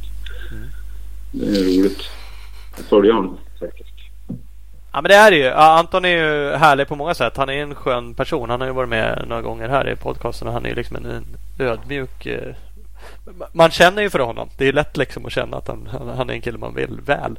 Eh, Mm. och, eh, då kan jag tänka mig att det är roligt att samarbeta med honom och kanske ännu roligare för dig då, om han dessutom är duktig. Så att ni faktiskt känner, ni är ute på test. Du också känner att fan det här ger någonting. Liksom. Nu, nu gör vi resultat här. Liksom. Och Då är det ju antagligen roligare att ringa det här samtalet till showa och säga du, du fan nu, nu går det fort här liksom. Vi Den här fjädringen det." får ni aldrig tillbaka. Nej, Nej, precis. Det var, det var lite så när vi, när vi lånade den fjädringen. Så att fan, vi behöll den så länge vi kunde. Men till slut så gick Vi var tvungna att skicka tillbaka. Fick en annan då. Vad är det som eh, avgör sånt då? Är det liksom ni måste, han måste prestera mera resultat eller det mera pengar eller vad är det som gör att ni faktiskt får behålla den? Nej, nej utan det är så att det, det är flera servicecenter som, som har showa. Så, så de där grejerna går ju runt eh, hela Europa. Till, det kommer från Grekland när jag fick det upp till mig då. Så att, så att eh, det gick bara förbi Spanien och sen servade de upp det och så skickade de upp det till oss. Då. Så, att, så att det där går, gick ju från oss vidare till nästa ställe så det är flera som kan, som kan prova och, och känna skillnaden. Jo, jo men, men hur får man tag på ett A-kit då? Är det bara pengar som avgör eller? Det, det får man ju beställa då. Man, man, man kan beställa det. Så att, eh, Ja. ja, efter vikt och allting sånt där. Ja, Mm. precis. Så att, det- och det måste ju också vara skillnad med liksom sådana grejer när det är, vad ska jag säga, mera fabriksprylar att ja, du sa att man kan få en annan man kan få tillgång till en annan setting. Man behöver inte testa ut allting själv utan det är fler som redan har testat det. De säger att om du stoppar i de här och de här skimserna så då, då blir det skillnad. Och så, ja, det är så mycket lättare än att hålla på och laborera själv med allting. Ja, precis. precis. Och det, oftast är det ju så där att tittar man på kajabar, om man tar fram en, en Yamaha-cykel till exempel då finns det kanske 40 olika inställningar som du ska köra igenom. Va? Och du förstår att det tar ju jävla tid innan...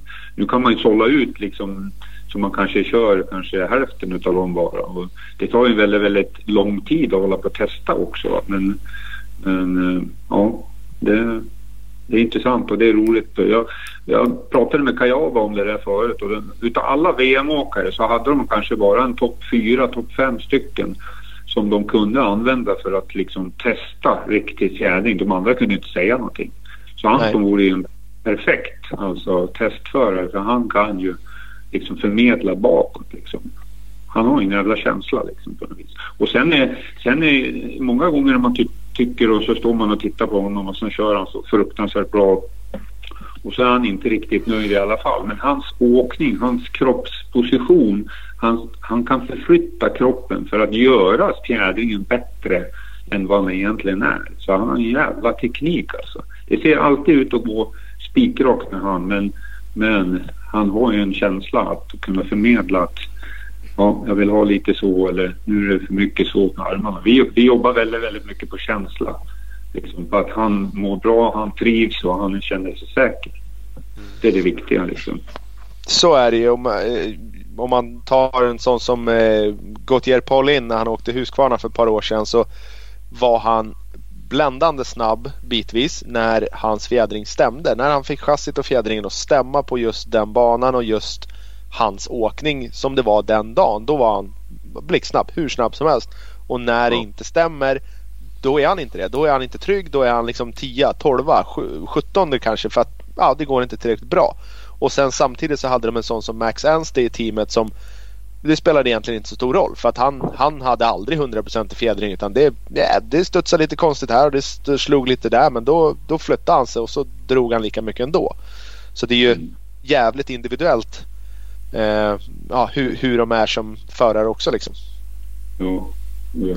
Det, det är ju all, alla har ju alltid en bra dag och sen har man en lite sämre dag och det gäller liksom den där dagen som det är lite sämre då, då ska det ändå inte sjunka ner så mycket sekunder så man fortfarande kan göra ett bra resultat och ligga på topp. Precis. Mm. Mm.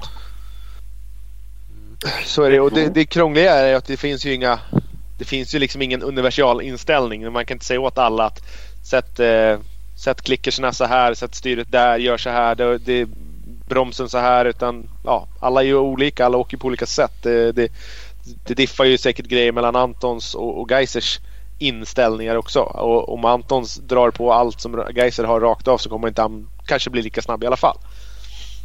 Nej, men, men andra sidan sett om man tittar på Geisers cykel så, så är liksom, jag fick den frågan förut om, om du tittar lite grann på en fabrikscykel kontra vad Anton åker med. Ja. Det är lite bättre bromsar, han har lite, lite bättre fjädring, han har lite, lite bättre eh, motor, han har lite, lite bättre... Alla de här små detaljerna gör ungefär tre sekunder. Ja. Och det är ju det, det som är Anton. Han ligger ju precis där i... Han skulle behöva ha ett bra kontrakt med, med eller att JVR kunde få tillgång till lite bättre. Erlandsson kanske kan fixa, hjälpa till med lite bättre prylar så att, så att vi fick lite lite bättre. Nu, nu går inte det dåligt där, men jag menar skillnaden mellan fabriksåkarna och Anton det är alla de här små detaljerna som görs. Ja. Mm. Fan, det kanske är det. Jag, jag, vet, jag, jag har ibland så jävla svårt att, att, att tycka det där. Liksom, att vad helvete, det är ju världens jävla supermaskiner när man plockar ur med kartongen. Eh, samtidigt som jag såklart fattar det du säger. att ja, ja, men Geiser kör för Honda-fabrik. Liksom. Det är och Erlandsson är ju insatt. Han, han pratar ju mycket om den och går med podden och massa andra saker. Säger det. Det är ju ja, det är inga standardhojar han åker på.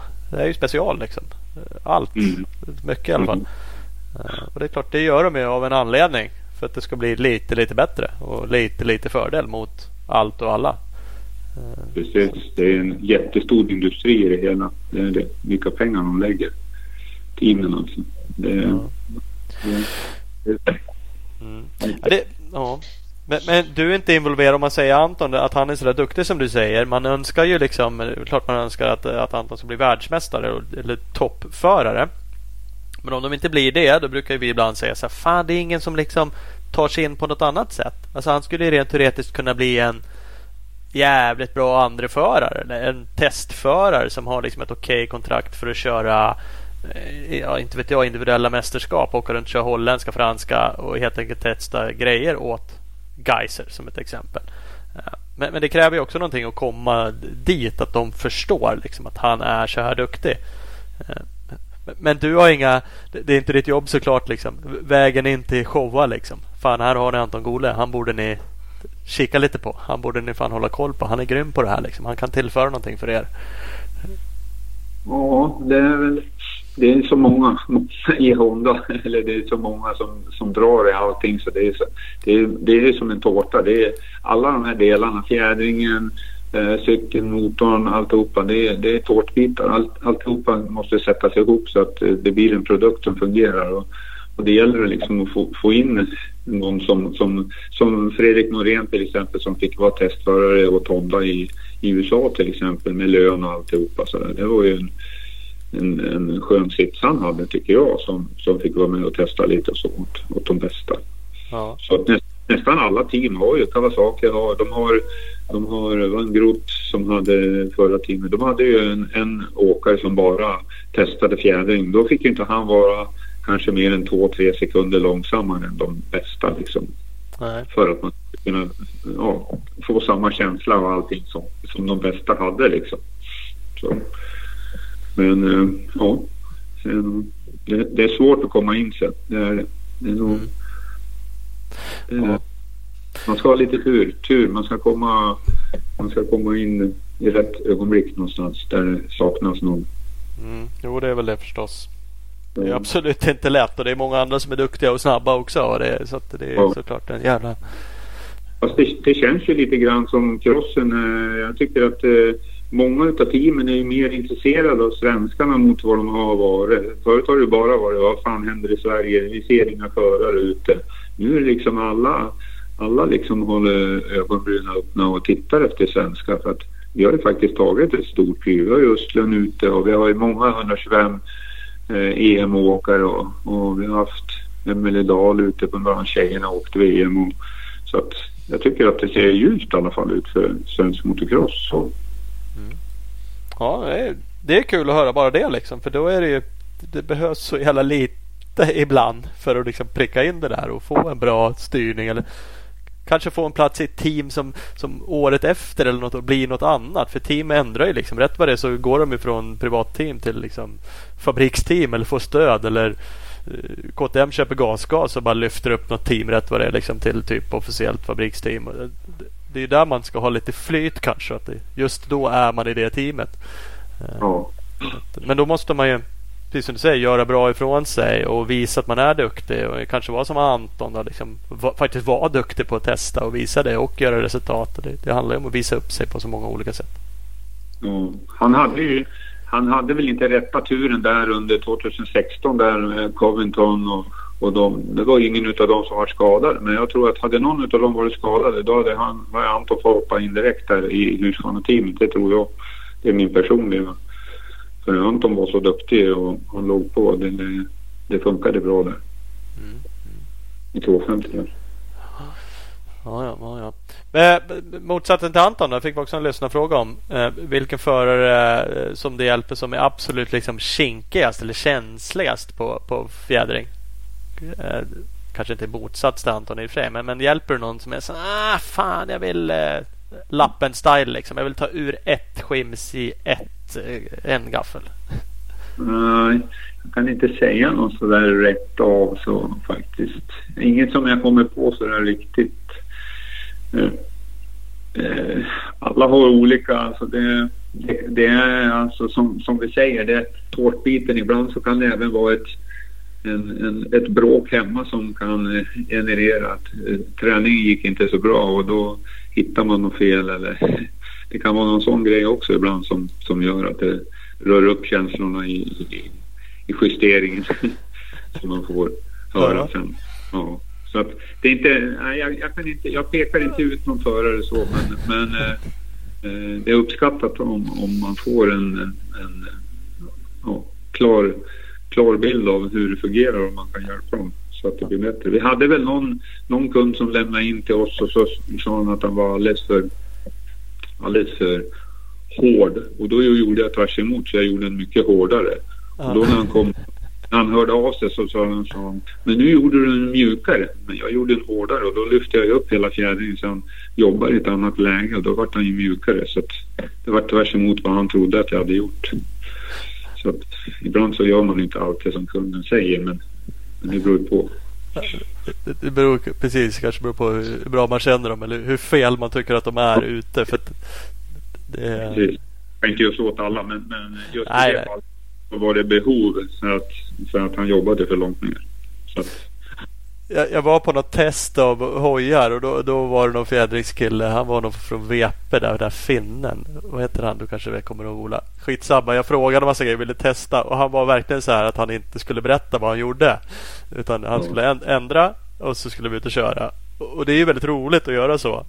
Och så kände jag bara Fan, nu kommer han blåsa mig. Och tänkte jag så här, nu gör han ju ingenting. Eller gör inte som jag tänker. Och det, det gjorde han ju i och för sig inte och det hade ju inte spelat någon roll om han hade gjort det. Hade jag tyckt att det var bättre så är det väl så. Men, men det är ett roligt sätt att hålla på också. Att man bara kommer Ja. in och, och förmedlar någonting och så säger han så här, "Ah, men nu gör jag, jag gör någonting. Jag ändrar här och så ut igen och testa.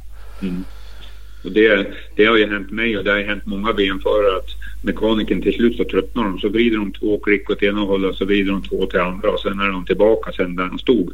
Ja, Och så kommer de in och så säger de Åh nu funkar fjädringen perfekt fast du inte har gjort någonting. Så det är mycket psykologin och så där gjorde de mot mig också. Då tog de mig fram en hammare och så knackade de lite på fjädern och så sa ut och testa nu då. Så då ändrar man hängen lite grann. För åker man jordbana så vill man ju liksom spänna på fjädern lite så man får lite mer tryck på framkassan. Men de hade ju inte gjort någonting och du vart ju skitbra. Så, så där vart du också lurad. Ja. Jo, jag, jag har tvättat en gaffel utvändigt och gjort den ren och sagt att nu har vi rivit den och byggt om den invändigt så nu är den skitbra. Ja för fan det var det bästa någonsin. ja, ja, Så att eh, det, det är psykologiskt som du säger. ja, det är mycket så. Ja, det är så. Men ä, apropå... Jag kör. Ibland så får man vara lite psykolog också. Det blir ju så. Det är ju så. Man är ju ute genom att man har den där jourtelefon och så. Så är, handlar det ju många gånger om att prata om förarna. och Liksom. Jag hade ett, ett, ett case som jag kan berätta om i, i Enköpings SM 125. Marcus Eriksson från Sala var topp tre där. Och så var det någon som gick förbi Marcus och så sa de så här att Fan, jag tyckte din fjädring studsade. Och automatiskt, automatiskt till andra heatet då så han kom aldrig längre upp än tionde plats. Han funderade på det där varför inte fjädringen fungerar. Och då hade vi gått runt hela banan och tittat. Han hade absolut den bästa fjädringen alltså som, som vi kunde se som fungerade bäst på jordbanan där. Men han, det var psykologiskt för honom så han klarade inte det. Så att en, en smart grej om man vill psyka någon. Så, Ja. Och det kan man göra om man åker i skogen också. Och så åker du bredvid kompisen och säger fan vad din bakända studsar. Ja, då börjar han fundera och sen nästa sträcka då är du före honom hur lätt som helst.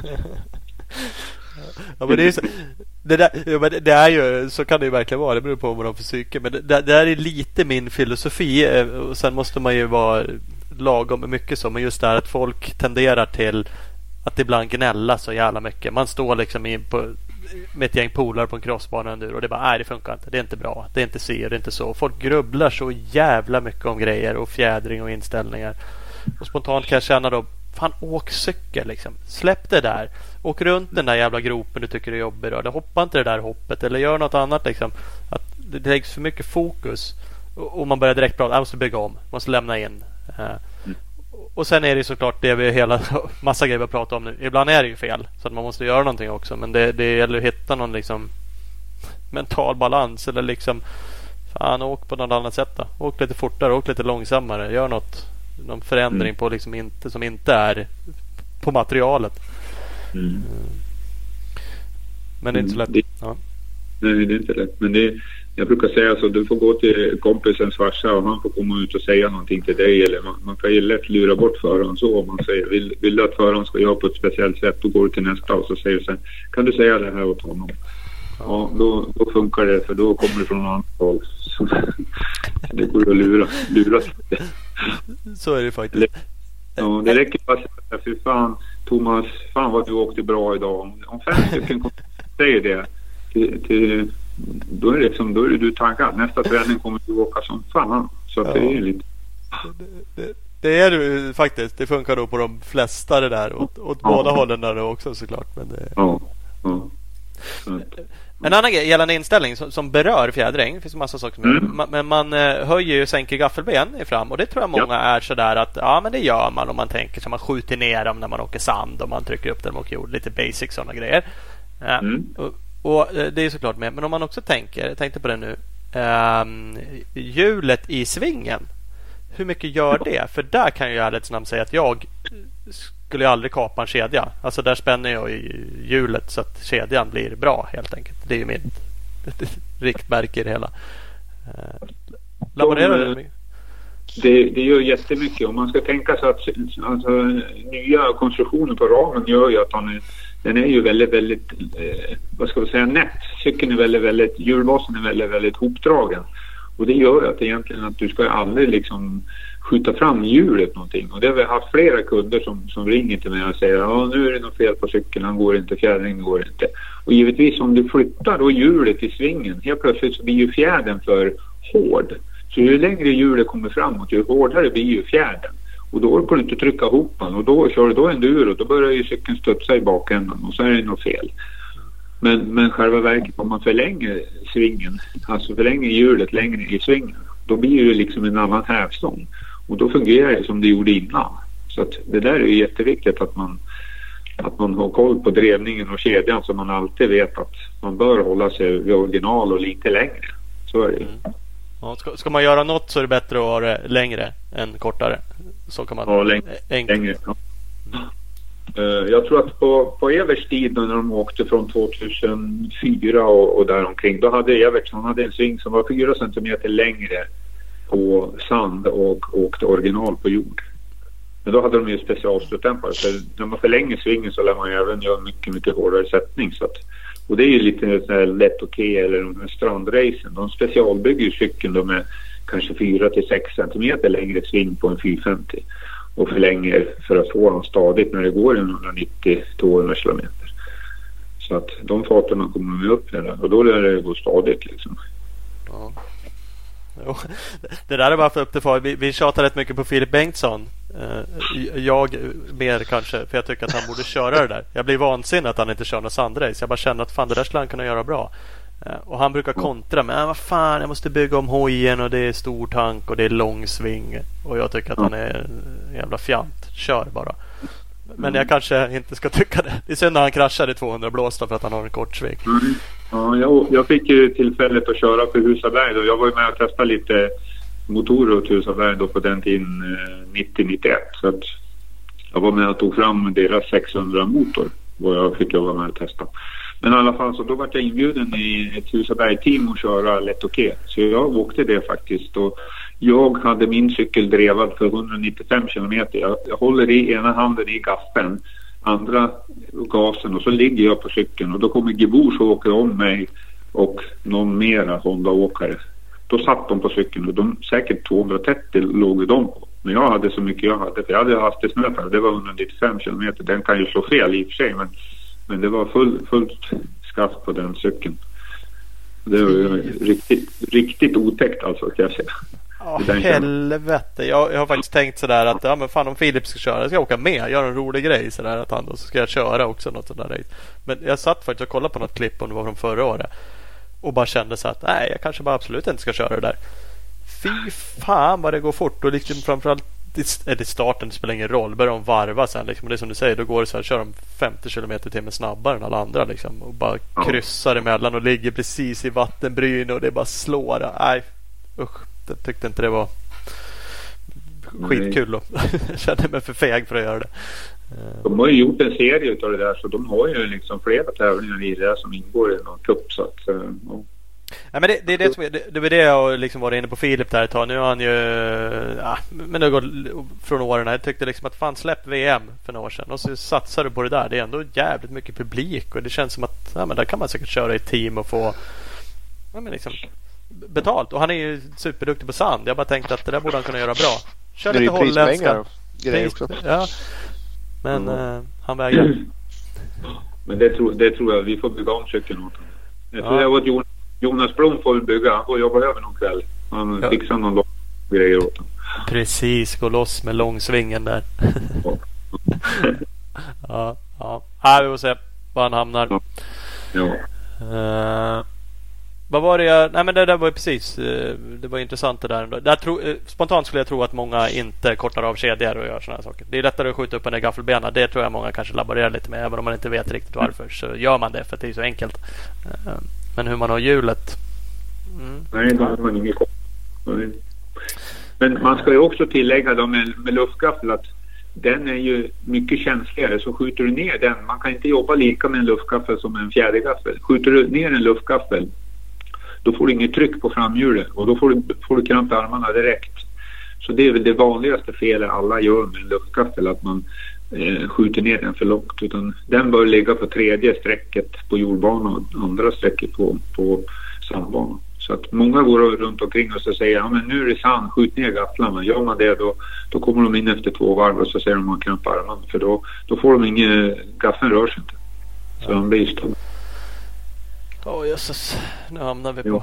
Vart ännu mer att fundera på luft eller fjäder och olika. Men det är väl därför man behöver hjälp ibland. Och ännu mer om man blir duktig som sagt. Eh. Ja precis. Fast det är ju... Det är ju jag brukar åka ut bland, bland klubbar och ha föreläsningar. Det brukar ju ta två, tre timmar sådär och det blir mycket frågor. Så det brukar ju innehålla lite av informationen som jag kör. Alltså, må, många blir ju hatiska eller säger jävla luftgafflar funkar inte. Men men eh, det går att få dem att fungera också jättebra. Så det, det, är inte ett måste att man måste sätta i. Så. Nej, men man behöver kanske få den här informationen och sen vad man gör med den, vilken nivå man är på. Det, det är ju en sak, men de har i alla fall fått den och man har möjligheten att fundera och kanske inte då göra som man alltid har gjort och som alla säger. Skjut ner den så långt det går på sand och upp med mm. den. Så, ja. så, det är ju liksom ändå intressant information. Då, då har man ju möjligheten att ja, som sagt göra någonting med det. Ja, eh, vi fick en annan lyssnarfråga. Det har också tänkt lite så här, endurofjädring kontra crossfjädring. Ja. Vad är liksom stora eh, skillnaderna? Eh, man kan säga att en endurofjädring är väl eh, många steg mjukare om man säger så.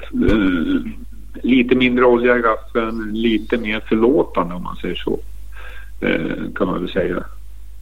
Eh, många gånger om man jämför skimsning så kan man kanske, om man skulle ta din cykel då, så kanske man skulle titta på att det är kanske en 125 cross skimsning skulle passa i din endurocykel som är då. Du hade en 350 eller var det en 250 fyrtakt eller vad var? Ja, nu åker jag för en tvåtakt just nu. Men äh, ja. ja mm. men, men ungefär i den storleksordningen att, att man går så pass långt ner då, som, som skimsning på en 125 egentligen. Ja. Så det är några steg mjukare alltså. Sen är det många som Adam, han åker på. De, de måste ju ha lite hårdare så de går ju från endurosättningen mot cross-sättningen om man säger så. Då. Mm. Så att det är lite olika på, på toppförarna och vikt och sådär. Så tar du Pontus Högberg, han gillar att åka med en hård fjädring och Bosse Högberg också. Det är en del som vill ha väldigt, väldigt hårt och det, mm. De hoppar ju också sönder sina motorcyklar så att det kanske är bra att de åker hårt. Ja, precis. det är därför ramen går av för fjädringen är så hård. Ja, i och för sig. Det är bara stumt allting. Ja. sant, sant, om man bara skulle ha en fjädring då? Vad skulle vara optimalast om man liksom vill köra både cross och enduro? Ska man utgå ifrån en crossfjädring och ibland eh, klicka den lite enduro eller endurofjädring till cross? Kan man tänka något sånt om man liksom bara... Var... Ja, jag skulle nog ta en crossfjädring. Så. Ja. Och så kanske man åker man ut och sen kör man enduro och sen har man någon setup till exempel att när jag åker på på Bärby eller om jag åker där så då ska jag släppa kompressionen sju klick i gaffeln och göra si och så med bakdämparen. Så har jag en setup som funkade ja, där det går riktigt fort och så. Sen får jag väl ta det där i, i Stenröse där det går lite sämre då. Men jag ändå har en fjädring som fungerar. Sen när jag kommer ut på ett, på ett specialprov då på en crossbana så då vet jag, ja då drar jag på tre klick där och fyra klick där och så har jag en fjädring som fungerar ypperligt för att ligga på och göra ett varv allt, allt vad jag kan liksom för att tjäna lite tid. Så det är lite sådär då som man kan göra om man vill. Mm. Ja, ja, det är intressant det där. Ja. Det är mycket med det här. Om vi kliver ifrån just uh, fjädringstekniken. Mm. Uh, så, så uh, det känner jag nu också. Du är en ganska lugn person och det har jag tyckt förut också utan att jag känner dig super, superbra. Uh, och, också att du är det, är ändå så här positivt till saker och ting fast det är också så där man du skriker inte ut det positiva heller.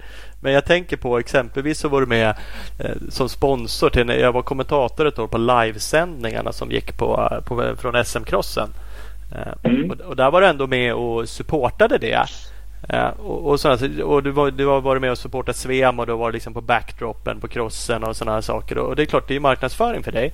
Men jag får också känslan av att du har gjort vissa sådana saker för att ja, men fan, livesändningen behövs. Det är inte att det kommer vara hundratusen som tittar på det här som är det viktiga. Utan vi måste liksom lyfta sporten kanske. Vi måste få någon helhet. Eh, och Jag vet inte om jag har rätt eller fel i det tänket eller om det bara är liksom business-tänket som är det viktiga när du syns.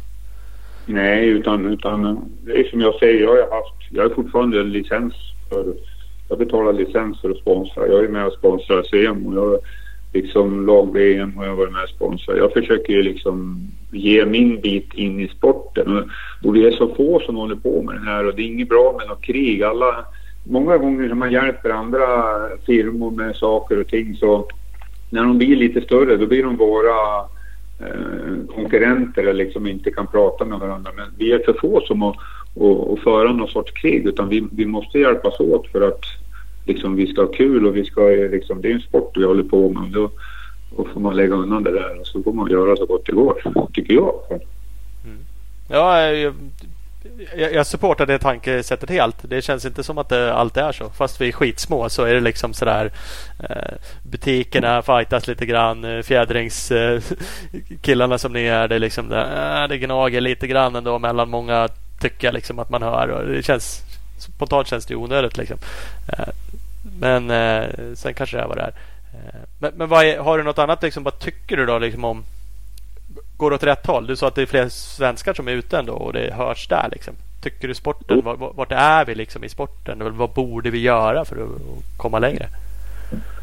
Lite svårt att säga, men jag, jag, tror det känns ju så att genom, att genom att vi har fått det här bra 125 U-gänget och de kommer ut på EM och teamen blir intresserade. Och liksom, folk, alltså de vänder blicken mot Sverige och tittar lite grann och det blir, det blir liksom jag, jag, jag får den känslan av att vi får lite push framåt och kan vi sen få fram lite mera PR här och var så är ju det jätteviktigt. Så fort det står, vi ska inte, vi ska inte vara med i något nå, nå tv där det är någon olycka eller någonting. Vi ska vara med för att vi har bra tävlingar, vi har bra, det är det som, som vi får kämpa på mer med tycker jag. För vi, vi har väldigt, väldigt dålig, dålig alltså, information ut, alltså för allmänheten tycker jag så. I alla fall på tv. Jag skulle, det cross, cross-SM som gick, det var jättebra. Många var intresserade och tittade på cross. Och liksom, vi, vi måste få ut något mera. Nu blir det ju enduro-VM i Skövde, va? Tibro. Mm. Det, det, kan också bli någonting som, som klingar till lite grann. Nu har det varit lugnt, men nu börjar liksom sporterna komma igång. Nu, det kan bli bra publicitet. Liksom.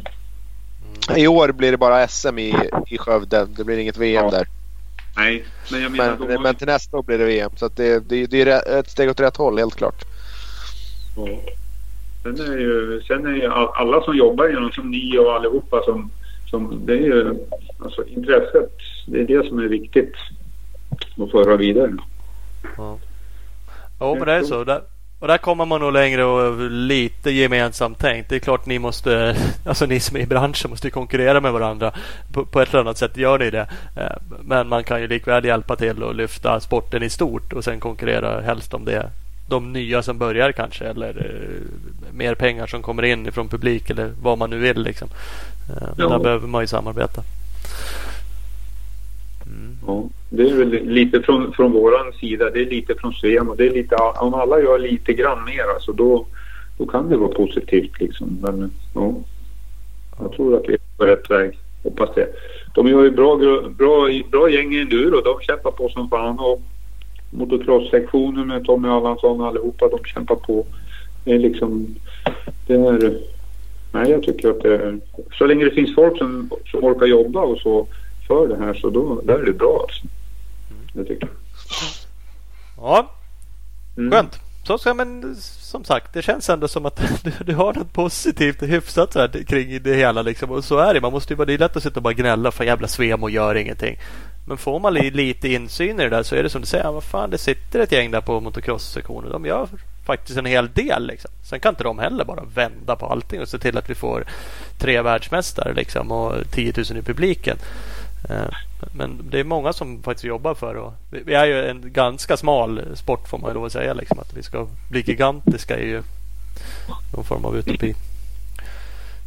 Det ska bli intressant att se om vi får något VM i Uddevalla för det är också ett, eh, det drar ju otroligt mycket folk och det blir publicitet och grejer och det är bra för Uddevalla och alltihopa. Men jag vet inte hur, hur tongångarna går riktigt jag, heller. Jag, jag, jag har inte hört något men jag pratade med dem men det var ju några veckor sedan nu och då var de ändå målsättningen att köra men det känns ju som att de, de sa också att de kommer inte köra utan publik och nu har vi ändå gränser som säger att du inte får ha publik och att det ska ändras här på någon månad. Det känns ju tyvärr långt bort men men visst. De sa ju här i veckan att Gröna Lund inte kommer öppna i sommar för att de, eh, ja, de, de blir för många på samma ställe. Och om inte Gröna Lund kan ha öppet då kommer det inte bli 20 000 på berget i Uddevalla heller. Nej, Nej. Tyvärr. Ja, så är det.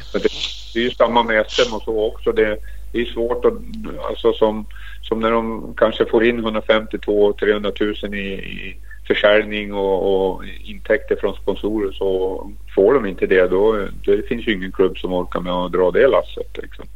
Nej. Nej, det ligger ändå en, en, stor kost för att anordna ett SM, så är det. Ja, ja. Då skulle ju regeringen gå in med pengar eller Svemo. Jag vet inte om de har fått några pengar men det vore ju som, som att man vill man ha en serie så måste någon ställa upp i alla fall på något vis med någon slant. Ja. Så är det. De vart väl beviljade ganska mycket pengar tror jag Svemo men det är liksom ja det, det, är ändå många klubbar som har sökt bidrag så i det stora hela är det ju inte så jättemycket. Det var många miljoner när man bara såg summan men ja. ja det blir liksom ingenting till, till, till varje klubb. Nej. Nej. Tittar man på Gotland och alla de här långloppen som skulle ha gått i år som, som det verkligen var lite eh, Får se vad det blir om det kommer igång någonting utav det. Ja, det får vi se som sagt. Ja, härligt. Hörru, vi ska runda. Men Ola, sitter du någon, på något sätt med några lyssnarfrågor som vi känner att vi behöver klämma in? Eller är vi, har vi... Ja, nej men det var väl, eh, alltså det är ju så här.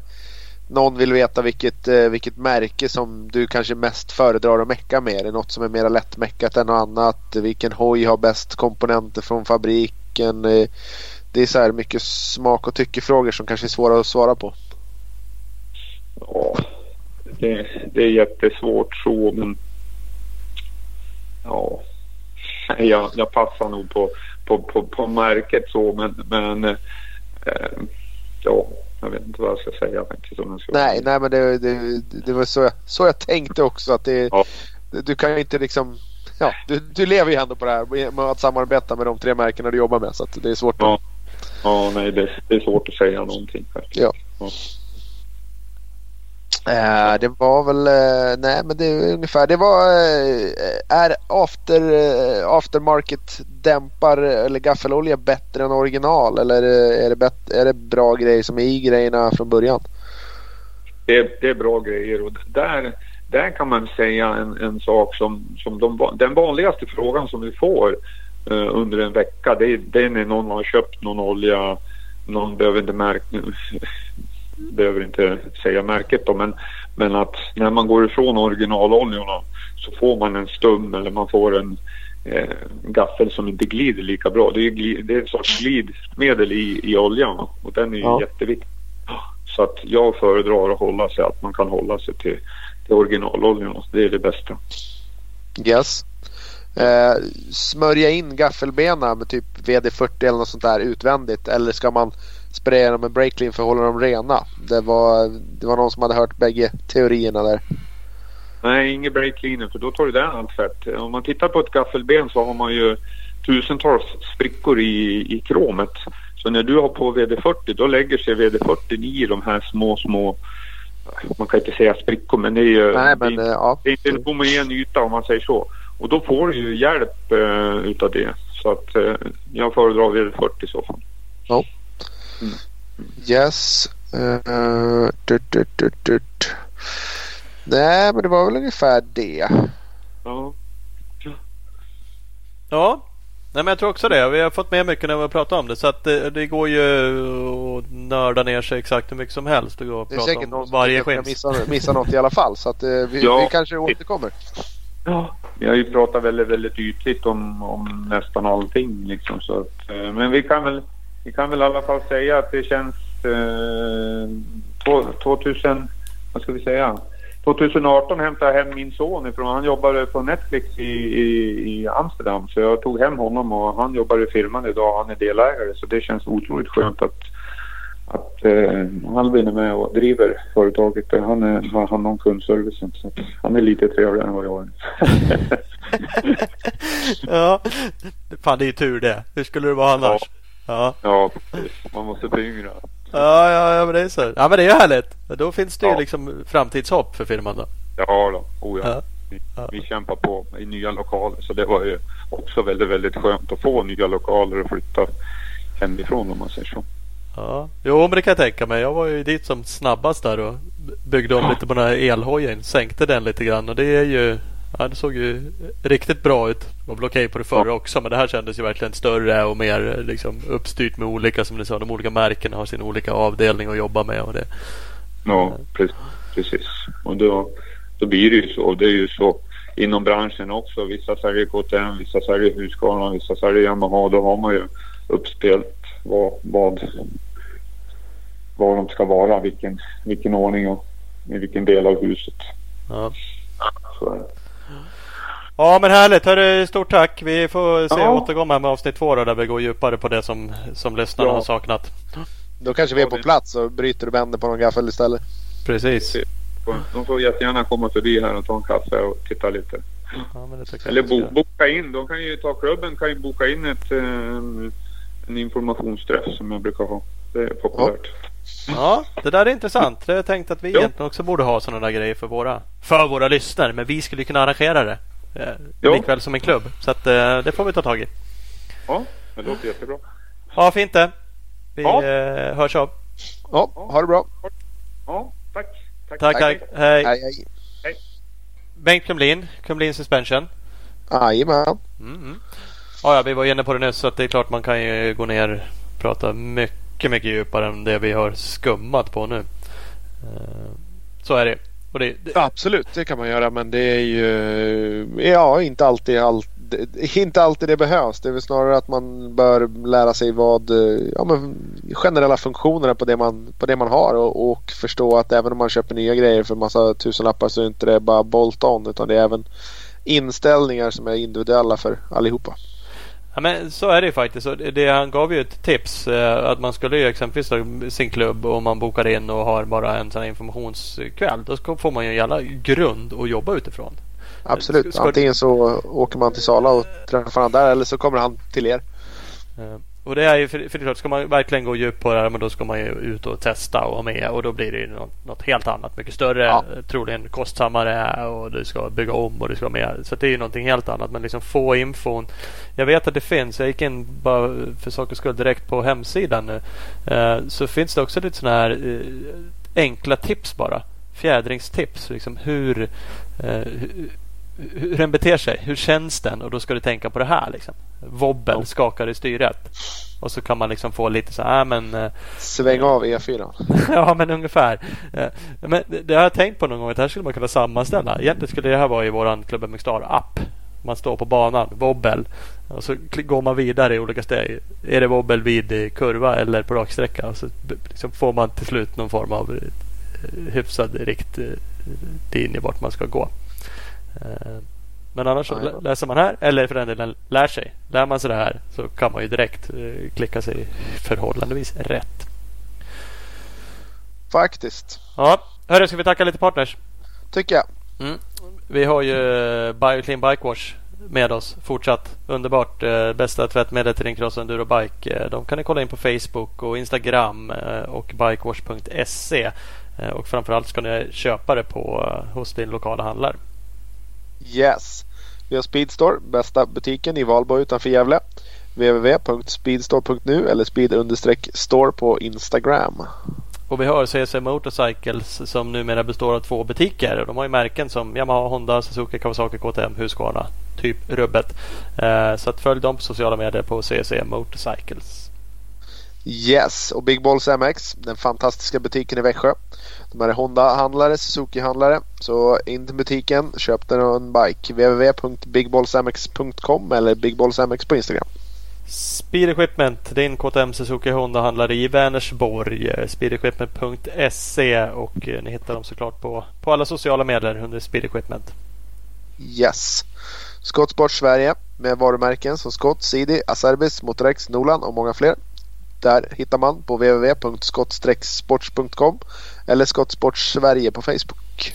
Och vi har Opus Bilprovning som har sjukt många stationer i hela landet. Eh, Du hittar ju din närmsta på opusbilprovning.se.